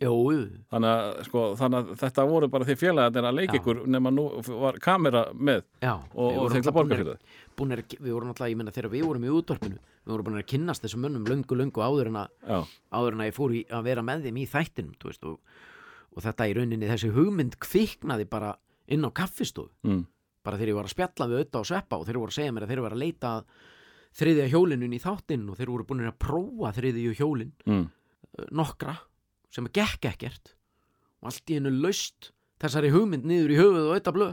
Það bara, og það var eiginlega bara kemur ekki sem gestur til okkar í kvöldið og ég bara, jú, og svo bara eftir það þá bara, auði er svo auði blöð er svolítið þannig, hann fær hugmynd það bara, þá er honum ekkert nekað nei, og, og hann fekk þessa hugmynd og ég kom til þeirra sem gestur það kvöld og eftir það var einhvern veginn ekkert eftir snúið með hann. Mm. hann bara, þú verð, þetta bara er skrifað í skí og bara verður að koma í þetta. Og svo, svo, haldið áfram þá, svo breytist þetta í strákarnir verða stöð 2 Já. og, og uh, svo klárast það. Já, hvað, hvað tekur þá við hjá Pétur Jóhanni? Vaktirnar maður. Það, er það beint í vaktirnar eftir, eftir strákana? Já, það hefur Ég- náttúrulega verið svolítið stórt stökk fyrir uh, var- mann sem hefur unni við fíblaskap alla sinn uh, feril já. að fara að leika. Já við höfðum, við höfðum náttúrulega gert svínasúpuna. Já, seríur sem eru leiknar svona sketsaseríur mm. Á ég hafði- meðan að strákandi var í gangi þá eitthvað? Já, Já. við höfum gert það, já við vorum meira að segja, við gerðum fyrstu seríuna þegar við vorum ennþá í 70 mínútum sko. Nú, ok. Jafnvel bara seríu 2 líka. Já, þannig að þú varst búin að vera að leika eitthvað áður en að vaktirna byrja Já, og ég fór út úr strákonum á undan þeim tveim, þeir heldu áfram aðeins. Breyttu sér í ötti og sveppi og, mm. eða, eða skilur Já. og ég eiginlega bara fór út úr því af eigin frumkvæði af því að ég fann einhvern veginn að ég var bara komin á einhvers konar endastu, endastuð þar. Já, og ég vissi ekkert hvað ég vildi þannig að ég fór bara og sest, settist niður með mínum yfirmanni þá, þá verandi á stöð 2 og hann og það bara. Mm. ég væri komin á endastuð þarna og ég vissi ekki hvað ég vildi Og og hann sagt, bara síndi því skilning. Og var sem sagt uh, þetta, þessar vaktir, var það ekkit komið nei, Nú, það var ekkert búið að, það var ekkert komið á koppin Þannig að þú varst var bara varst að fara út í óvissuna? Já, Jáhá, og ég var með að segja að koma þetta var algjört slís hvernig ég datt inn í vaktirnar sko. ég hafði leikið í, í þessum tveimur seríum Mhm. svínasúpuna, svínasúpan 1 og 2 og svo hafði Ragnar Bragason verið að leika stelpurnar hófu göngu sína á stöð 2 mm. Í upphaflegi leikstjórn Óskars Jónassonar og svo var Ragnar Bragason fenginn til þess að leika nei, Leikstýra, já. einni seríu af stelpun já, og þú varst hann- með þar? Já, hann fær mig til þess að koma inn í það. Og ég var búinn að gera það og sérst sagði já við því og var með því og það gekk vel og, og síðan hérna, ge, hérna er ég einhvern tímann bara á göngunum upp í upp í, upp í Lingálsi á stöð 2 og hitti Ragnar Bragason þar og það var við vorum búin ég, ég, ég, þessu verkefni á loki með stelpunum og Mm. hann er eitthvað að spyrja mig hvað ég er að fara að gera og ég segi hann bara ég viti það ekki, ég sé bara hættur í strákunum og ég veit ekkert hvað tekur við mm. og í kjölfarið að því fór hann að segja mér af þessari hugmynd sem hann og Jón höfðu verið að þróa fyrir löngu löngu síðan sem var, seria sem átti að gerast á bensínstöð sem að þeir höfðu verið að þeir áttu samtala um það fyrir löngu löngu síðan hann og Mm. Jón Gnar og eitthvað seria sem að alltaf langa til að gera þessi seríu segir hann og eitthvað og ég bara, á, ok, já, mjög spenntur ég var bara geðu til ég að vera með og eitthvað svona og hann fer á fund nú er ég að reyna að fara bara mjög hratt yfir. Já, já, fer á fund með dagskarstjóra stöða 2 hann verður seldur á hugmyndina og vill endilega að menn fari að skrifa þessa skrifa út þessa hugmynd eða vinna í þessari hugmynd meira. Og þá kem ég bara Jón, og Jón Gnar og, og Ragnar Bragason vil ég endilega eða, byggja mig um að vera með í, strax í handrits teiminu þá eða? Já, þeir, en samt var hugmyndin í, hún var til í rauninni þar að segja hugmyndin um sjónarpserju sem gerist á bensínstöð. Og með þessum karakterum eða, nei, nei, karakterarnir þetta er ekki mikil hugmynd. Herðu, gerum sjómaserjum sem Nei, gerast að bensist um bara tvo, eða þú veist þetta áttu að vera bara um einhverja menn sem er að vinna á bensinstöð okay. og þannig kem ég að hugmyndinni í rauninni í gróðum dráttum sko þannig að þú ert alveg með í þú skapar þá Ólaf Ragnar að, miklu leiti sjálfur eða? Eitthvað Já, eða við, og ég, já, með Jóni og, og, og Ragnari. Mm. og hann er svona, bara, svo ég tali fyrir mitt liti, þá er hann svona hinir og þessir menn sem ég hef kynst í gegnum tíðina sko. Já, og það eru svona, það eru þættir í þessum karakter Ólaf Ragnar sem eru fengnir hérðan og þaðan sko. þú veist til dæmis bara þessi gamli læðan sem hann átti þú veist það var gaur sem ég var að vinna með í Bíkói Hafnafyrði sem átti, læð, eða, átti svona Suzuki Fox sem hann bara, sem hann var bara gullmólin hans í lífin hans já, er það já, eð, en það er bara það sá þáttur tekin úr þeim manni Já. skilur, svo er bara, En, en hvern, hvernig var fyrir þig, eh, nú veit ég ekki hvort þú hafi verið eitthvað verið í handritsgerð með stelpum og, og sv- svínasúpu eða hvað. Þetta er ekki sketsar og þú varst búin að vera bara í einhverju flippi og, og, og ruggli Já. yfir í, ef ekki að segja að þetta sé svona alvöru verk. Jú, jú Hver, hver, hérna, hvernig var það fyrir, fyrir eh, Pétur Jóhann? bara mjög gaman sko Mikil Eh, upphefð? segirðu, mikil, ég hugsaði samt ekkert á þeim tíma þetta er nú megi, þetta er mikil upphefð Nei, Nei, mikið frekar bara á hvað það er gaman að, þú veist, það er náttúrulega bara forréttind að fá að vinna bara með þessu fólki, þú veist, Mm. það er eiginlega þar sem að mér, þar byrjar það og sto, stoppar hjá mér, sko Mhm. þú veist, að bara fá að vera með Jóni Gnarra alla daga, þú veist, mér fannst það bara geðvögt og Ragnari Braga sinni, þú veist, það er bara geðvögt og var ekki líka svolítið gaman að vera með Jóni Gnar þegar hann var að klára að búa til Georg? ég, ég minna bara þegar Georg var að mótast þegar hann var að verða til og, og hérna, þú veist, þetta, þetta var mjög langt ferli, við vorum mjög lengi að vinna í þessari í, í hugmyndavinnunni. Já. þú veist, og fljótlega komu náttúrulega Jö- Jörundur Ragnarsson sem að leikur Daniel Mm fljótlega kom hann inn í þetta ferli og Jóhann Ævar Grímsson líka sem fáir, fáir hafa séð. Nákvæmlega. En ma maður heyrir alltaf þetta nafn. Já, já, það blúknaði já, við urðum fljótlega fimm. Það var, var, var svakalega gaman að vinna þetta, þessa hugmyndavinnu. Mm. bara bara í einu orðið sagt svakalega gaman, við vorum að vinna mikið út á Granda í, í húsnæði sem við fengum bara sest, konanas Ragnars Bragasonar leikstjóra, hún er, hún er hérna búninga hönnur, heitir Helga Rós Mm. uh, hún var með aðstöðu og er ennþá með aðstöðu út á Granda og við fengum að vera þar og þar fóru allar æfingar fram og þar varð urðu þeir til þessir menn í rauninni, bara í einhverju svona litilli kompu út á Granda sko. Því þú talar um að að Ólafur Ragnar séu, séu margi karakterar eh, það er eitt sem að hérna ég man svo stert eftir að- Ólafur Ragnar sko var búin að meika það Já. vegna þess að hann fekk uh, bréf frá einhverjum uh, nýgarjumanni og ég nefnilega sko var að vinna með Pétur Jóhanni Já. einhverjum árum áður Já. það sem að útastátturinn Ding Dong fekk svona Já, og sá Pétur Jóhann trúði því alveg að þarna geti mögulega verið já, já þó nokkuð margar krónur þarna baku þetta allt saman Já, ég veit, ég meina ég, eins og ég sagði á hann veist, ég hef aldrei verið mikill svona tölvu það má þakka fyrir en þetta í dag þú veist, ef ég get svara tölvupósti sko. nánast þannig að þetta, ég, ég var alveg tilbúin að kaupa þetta alltaf þegar kemur congratulations á tölvuskjá þá er ég bara yes, ég var að vinna hérna miljónum er kannski ekki alveg þannig en, en já, ég keifti þetta ég hef ekki ástæði til að halda annað það væru bara miljónir á leiðinni. En það, sko, þið gerðuð uh, þrjár serjur Já, og, og uh, þetta var vantarlega verið rosalega skemmtilegu tíma og skemmtilegt ferli. Já, mjög svo. Við gerðum, eins og þú segir, þrjár serjur og náttúrulega eina bíómynd. bíómynd, já. og hérna gerðum þessa seríu þarna, nætuvættina sem að gerðist á bensinstöðinni og, og uh, færðum okkur svo yfir á, yfir á Hotel Bjarkarlund og gerðum dagvættina þar.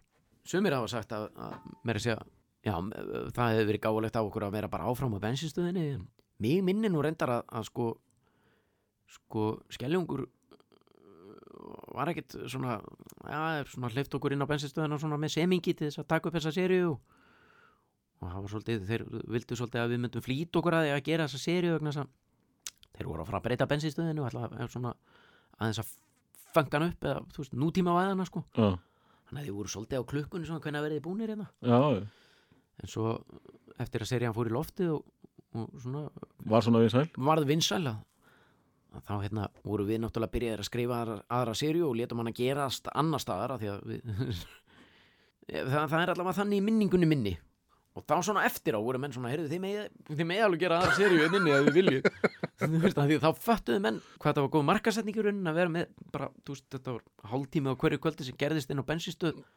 Skeljungs við Laugaveg. Já, og, og, og ótrúlega stór hluti þjóðarinnar að horfa á sjálf logo á hver- hverju kvöldi. Þannig að það verður einhver á markastildinni hei, drengir, þetta er heldur góð auðlýsing já, ef ekki láta, ef ekki að fá það til að gera aðra seríu og þá var það bara einfallega orðið og seint það getur verið að þetta sé rámt munið hjá mér en Hvað gerist eftir, eftir uh, þessar serjur?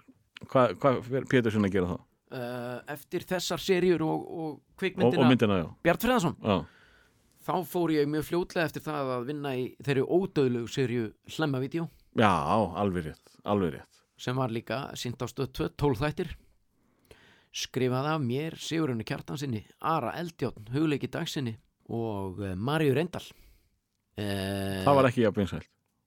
minna. Minna vinsælt. Svo kom önnur serja sem að, sem að hérna, minna vinsæl nei, já, við, ég, sko, þegar ég var eiginlega bara, ég fór beint þegar var ný, þegar var bara um leið og að búið að taka upp hlemmavídeó, mm, þeir voru meira að segja byrjaðir að skrifa án mín uh, Ragnar Bragason, Jóhann Áge Grímsson og Jörundur Ragnarsson uh, seríu sem ég fór beint í eftir hlemmavídeó sem að heitir Heimsendir já, ég kom að henni í rauninni þegar að þeir voru töluvert löngu byrjaðir. Já, og hérna en, þú veist, uh, kom inn í það ferli og uh, skrifuðum þá seríu saman uh, heimsendi sem var líka öðruvísi mhm, heldur en vaktirnar. Uh, hvert fór ég svo? Heimsendi við, sko við getum alveg talað um að það hafi verið flop uh, fólk bjóst við nýri vaktasýrju Já. eða sama gríni en uh, hvort sagður flop eða flop? ég notaði pía þarna í, í loki jú, jú, það er alveg hægt að halda, halda því fram. En þú, þú veist, ef þú spyrður Ragnar Bragason þá myndi hann aldrei Nei, viðkenna það sko. nei, nei, uh, en það Þetta var stór og mikil serja mikil geðveiki. Mm, en allt, allt öðruvísi heldur en fólk bjóst við uh, fólk náttúrulega uh, hérna, þetta var frá sömu aðlum og, og það var mikið mikið auglýst sö- frá sömu aðlum og færðu, færðu okkur vaktirnar. Þetta var eiginlega auglýst bara sem uh, já, ný útgáfa af einhvers konar vöktum. Nú, nú, skulum við bara taka kvöldi frá að því við ætlum Já. að fara að hlæja. Þetta, þetta var miklu meiri drungi í Já. þessu, náttúrulega sko.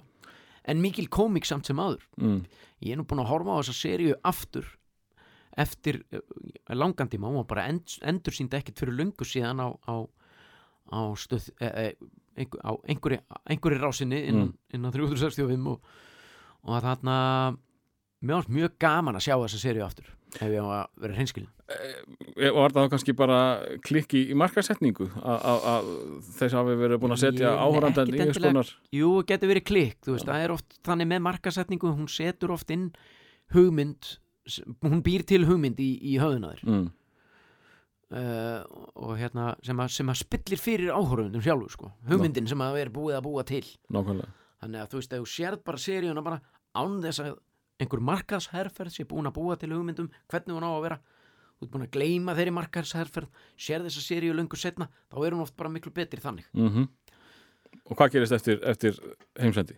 ég er að reyna að rifja það upp, ég maður það ekki Þú varst eh, starfsmaður 365 í, í uh, öll þessi ár Já, og, já, já, og, og, og uh, þó þú værir ekki nákvæmlega að vinna að einhverjum ákveðnum þætti þá varstu þarna í vinnu? Já, já, já, já, já, ég var í, í vinnu og hef alltaf verið í vinnu, sagði þér endar upp.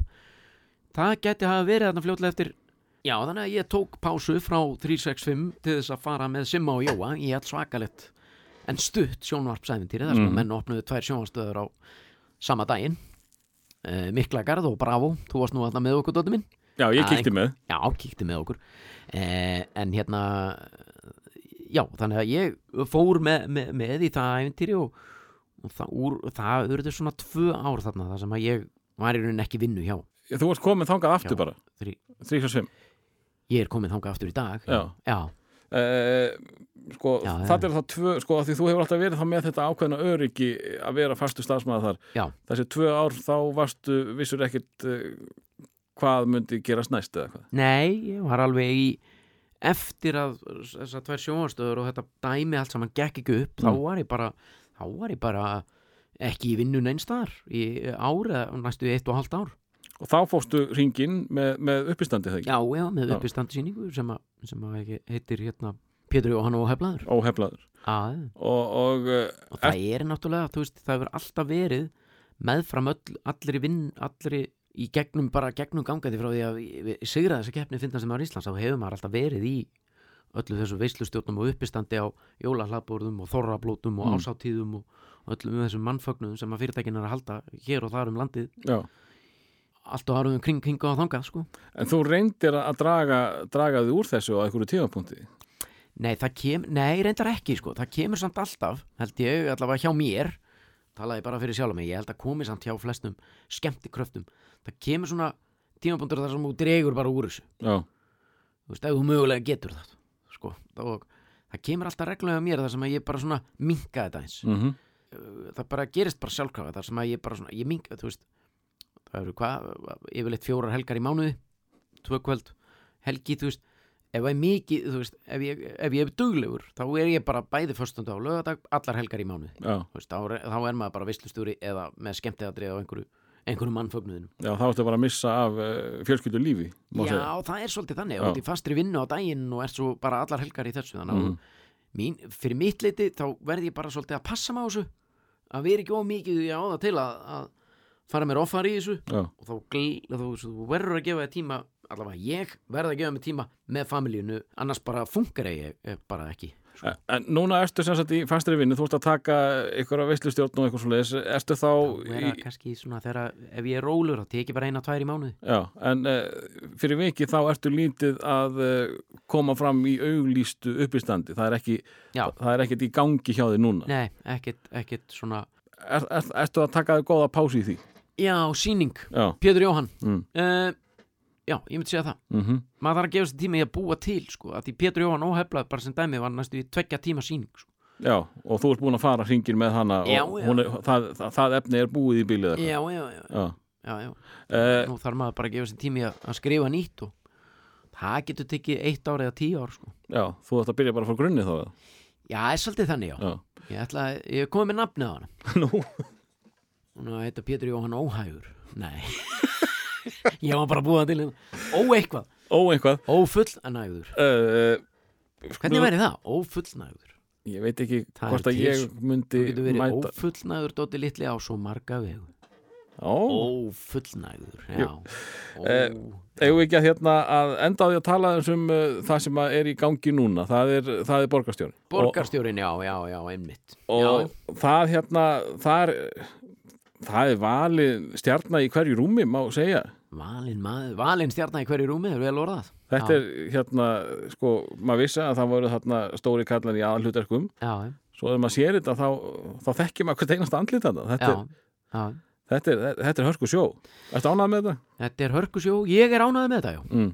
uh, Ég er mjög ánægð með uh, náttúrulega, en á aftur fórréttindi og heiður að fá að vinna með Jón Gnar Jóni Gnar Jón Gnar á hugmyndina þessari serju Mm. sem að hann, og svo hugmynd kviknaði náttúrulega í kjölfæri að því að, eða, og meðfram því að hann var borgarstjóri hér í fjögur ár. Og hérna ég held að Jón sé bara einn af þessum mönnum sem maður bara svona maður segir bara ekkert neyðið hann. Nei, það er svolítið þannig. Ef hann ringir eða og hefur samband og segir bara eru þetta ég var að spá að gera þetta svona borgarstjóri og hvort að þú eru til að vera með og leika aðstofamann hann segir bara já já, ég er til Þarna reynir rosalega mikið á þig sem leikara. Þarna? Já, þarna, uh, þú ert með stóra rullu, þú talar mjög mikið já, og ert uh, ólíkur öllu því sem að ég hef séð þig í. Já þakkaði fyrir það dóttir minna að taka til því. Og ég er, ég er hérna það, það reyndi mikið á mig sem leikara. Mm. ég neita því, neita því ekki. Við þurftum, Jón þurfti bara svona síðustu vikurnar áður en fórum í upptökur liggum við að sitja bara einn á móti mér og horfa djúpt í augum minn til að gera mér fullkomlega grein fyrir því að hann, hver, hvernig skítæll þessi maður ætti að vera. Já, og hann er skítæll en samt líka þarftu að, geta skapað að hann sé líka umkunnarverður og, finni, og fólk finni samúð og finni til með honum og ná að tengja við hann. Jú, jú, af því hann er alltaf að slökka og elda, hann er alltaf að reyna að bjarga sínu manni Já. þó hann gera það á, á vegu. og- meðvirkur með alkoholism sem, sem að borgarstjóri er og þannig að já, hann er svona freka margslungin hann er eins og kamiljón hann er, er nýrmaður í, í, í þeim bara eftir í hvaða aðstæðum hann er sko. mm. þú veist, hann smjaðrar fyrir þessum ef hann þarf þess og stingur hann svo í baki bara um leið hann er búin að snúa sig við sko, ef hann þarf þess Já, og hann, þú veist, já, það var alveg augrandi að gera það, sko, en ég fekk gríðalega góða og mikla hjálp frá Jóni já, því ég hef náttúrulega aldrei verið borgarstjóri, ég hef aldrei verið aðstofamaður neins og ég hef aldrei séð aðstofamann eða talað með aðstofamann þannig að ég veit ekkert hvernig aðstofamenn virka. En þetta er allt saman bara samkvæmt, uh, samkvæmt hérna svona leiðsögn frá fyrirhandi borgarstjóra sko. og ert að segja að uh, aðstofamenn séu stundum í þessari stöðu sem að ég samkvæmt Jóni eru aðstofamenn í flestum tilfellum þeir sem stjórna á í, í, í raun og veru. Já, já, Veist að það sé sko það sé sko ef þú ætlar að, ef þú ætlar að fá eitthvað í gegn hjá mögulega landbúnaðar á þeirra eða borgarstjóra eða utanækisáðara þá er eiginlega aðstofamaðurinn maður sem þú þarft að komast sem þú þarft að selja hugmyndina. Já, þannig að aðstofamaðurinn komið til viðkomandi ráðherra eða borgarstjóra eða bæjarstjóra eða hvar sem þetta er og segir, veistu að ég held að þetta sé mjög góð hugmynd sem Dóttir Litlið er með og það er gríðalega mikilvægt fyrir þig sem borgarstjóra að samþykja þetta. Vegna þess að þá ertu með að því hann hefur góð völdi í flokknum og, og svo situr þú bara, ha, já, er það, já, já. Já, ég hef ákveðið að samþykja þetta. Og eitthvað svona veist, þetta, þetta er allavega það sem Jón segir mér, ég selði það ekki dýra þegar ég kipta en uh, sko, svona mikil og stór rulla eh, er þetta eitthvað að kveikja meira í leiklista bakteríu Péturs? já, veist, langaðir, eh, sko, þetta er alveg þetta er alveg á mörkunum um að vera bara drami þessi, þessi karakter. Ég finnst hann ekki fyndin Já, hann er ekkert mikið að detta á rassin og eitthvað svo leiðis nei, hann er ekki mikið og hann er ekki sér það engan Óla Ragnar Jón nei, Það er ekki mikið Óla Ragnar nefnilega í honum, nei, sko. hann er já, hann er ósvín. Ég, þú veist, ég ætla ekki að neita því. Mér finnst, mér fannst sjúklega gaman að- að leika hana mann. En, var, veist, en það, þú fékk sagðir að það væri sko- erfitt að koma þér í gang en þegar þú varst komin, þegar þú varst orðin dúti, þá, Já. þá, þá var það gaman. Já, mjög svo og það er mjög, það er mjög grunnt á honum sko. Já. mér finnst gaman að vera svona leiðileikain að vera svona Ertu að vinna með dúta eitthvað í venjulegu lífi? Já, Sigrún kona mín er, segir oft við minn en er að hætta að vera dutti sko. Veist, ég er dutti ég er fann að vera dutti ég var dutti síðast í gær grínlaust, ég fór á bílaþóttastöð og hérna ætlaði að renna bílnum í gegn og ég var búin að vera að býða á röðin á bílaþóttastöðina Já. Og ég beið svona hálfpartinn út á götu af því ég komst ekki inn á bílaþóttastöðina þannig að ég var með stefljósið og var að ég held að hleypa umferð framhjá. Mm. en svo var einn í þeirri umferð sem bara beigði inn til hægri á sína hægri, ég var að beigða til vin- eh, skilju, hann var að koma móti mér í rauninni og bara fór inn í dúti þá? Dúti bara þrumaði sig við hliðin á honum, skrúaði niður. Ég var að unda ekki allir minn. Hann skrúaði niður, þú veist og ég var búin að segja þetta eh, þú veist, ég, ég, ég var búin að segja þetta þegar ég fattaði að ég er bara Pétur Jóhann Sigfússon skilju, ég, Já, ég, ég, sko, ég er kannski- góðleika einn Já, ég ætla og hann alveg horfði á mig. Ha, já, fyrirgeðu vinnu minn, hann. Er að, skrúaði upp og var inn í bíl, skrúaði hann upp rúðuna og hann bara var við hliðina á honum hillingi, þannig að röðin mjakaðist áfram svo fór ég inn í röðina og hann hlifti mér og, svona, og svo bara gati ég þetta ekki og ég fór út úr bílnum og sagði, heyrðu fyrirgeðu, ég ætla ekki að vera svona dónalur. Hann, já, bara ekkert mál, málið er það ég hef bara búin að býða út á götu heil lengi. Ég komst ekkert inn í röðina, sagði. Og, hérna, og svo komst þú bara, já, já, ég fatt það bara eftir á sagðan og eitthvað. En, en sko fyrri gæinn var dúti Já, sem kom bara, heyrðu hvað, ég var undan þér í og bara nú þannig að Dúti er, hann varð eftir í Pétri hann er eh, eh, skilur hann, eh, þú veist, ég hef alveg verið Já, Ég hef unni með Pétri Jóhanni og hann, hann gerir þetta ekki. Nei, en Hann, hann Dúddi beigir sér frekar. Fæðist- Dúti er í umferðin Já. ég, ég, ég er rosalega tæpur í umferðin ég hef alltaf verið það, ég hef alltaf verið bara þú veist, ef fólk er fyrir mér og svona og ég reyndar núna, er að fyrst að finna fyrir því núna, ég er að þroskast í umferðinu og ég er að, sl- það er að slakna á mér. Mm. og ég er að, er að verða rólegri og bara meira á hægri og svona en þeir bara, þú veist, þeir var bara þú veist, 20 pluss þú veist, ég var endalast á vindur bara með háuljus en að blikka fólk og flauta á það og bara, þú veist, og svo færið fólk sig yfir á hægri og ég tók fram úr og ég var bara, hvað er ekki lægið með þeim maður?" og, veist, og þetta er maðurinn sem ég notaði til að vera. Gæ, ég, ég, ég, ímyndaði mér alltaf að ég var endur stýri á bíl í raunin, bara alltaf pyrraður Gabri, þú kannt ekki að nota þessa aðrein maður kannt ekki bara að stefnu og sé bíla í bílinu þeirra og eitthvað svona, þú veist, ég er ég hef, ég hef, ég hef sagt þessa línu við mann. Er stefnuljósi í bílinu þeir og ég hef sagt að, ég það er mörg ár síðan skammast mín enda fyrir það eldri maður ég hafði fyrir því að eldan heim til hans kom út úr bílnum mínum og hann var að fara út úr bílnum. Og ég kem fyrir geðu, já, er stefnuljósi hjá þeirra? Já, nei, nei. Og ég er kannski að kenna þér á það hvað mennur? Nei, bara þú ert ekki búin að gefa neitt stefnljós bara frá, frá ég byrjaði að elda þig bara hérna nýri mjótmaður og þú veist það að þú ítir hérna þessum upp þá byrjur til hægri og eða, þú veist þá kemur stefnljós þetta er alveg magna fyrirbæri sko ég fór með honum svona í gegnum þetta Ertu ökunýðingur?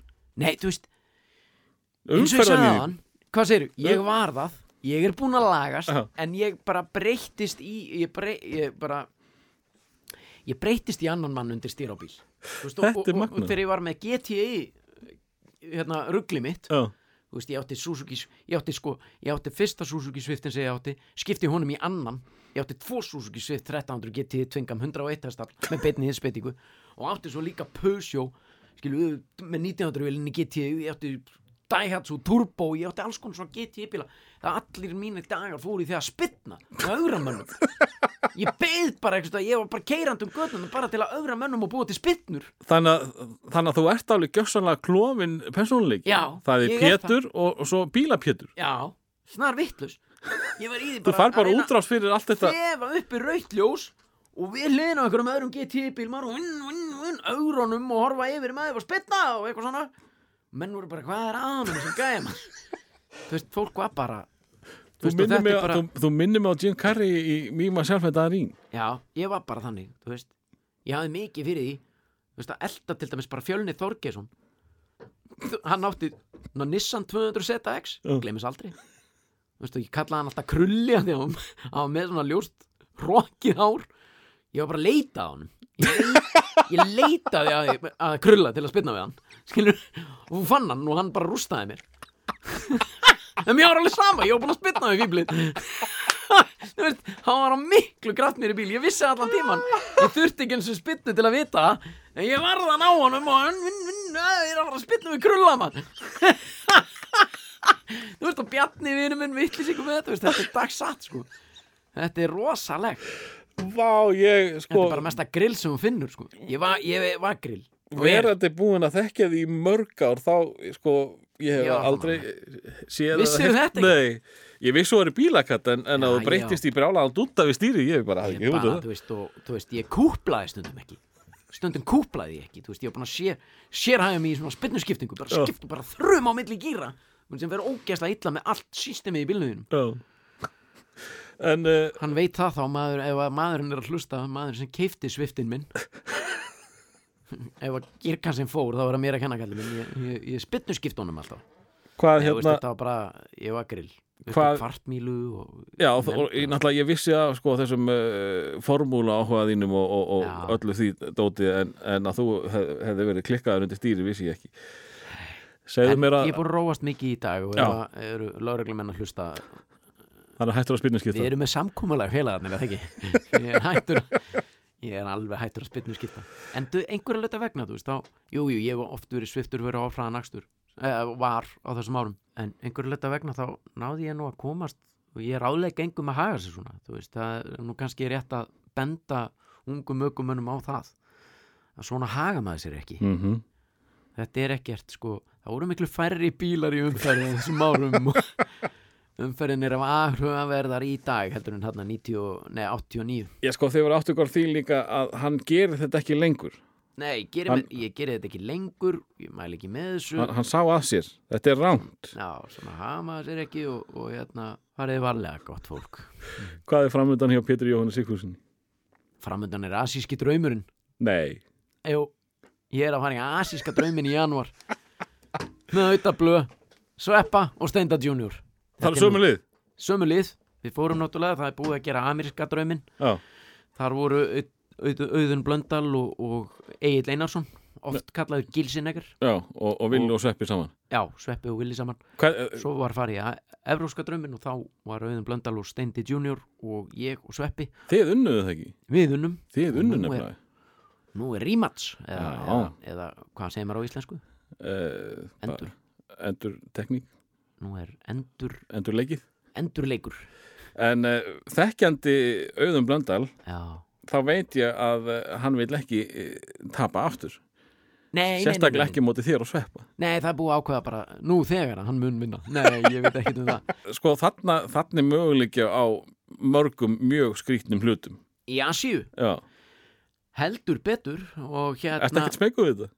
ég er svolítið smeykur við þetta. Já. ég ætla ekki að neita því en svo er líka einhver hluti að mér bara sem er gladur að þú veist, ég, við erum að, allir að fara á, á staði sem engin, eh, nei sem eru framandi. Já, þetta hljómar mjög spennandi.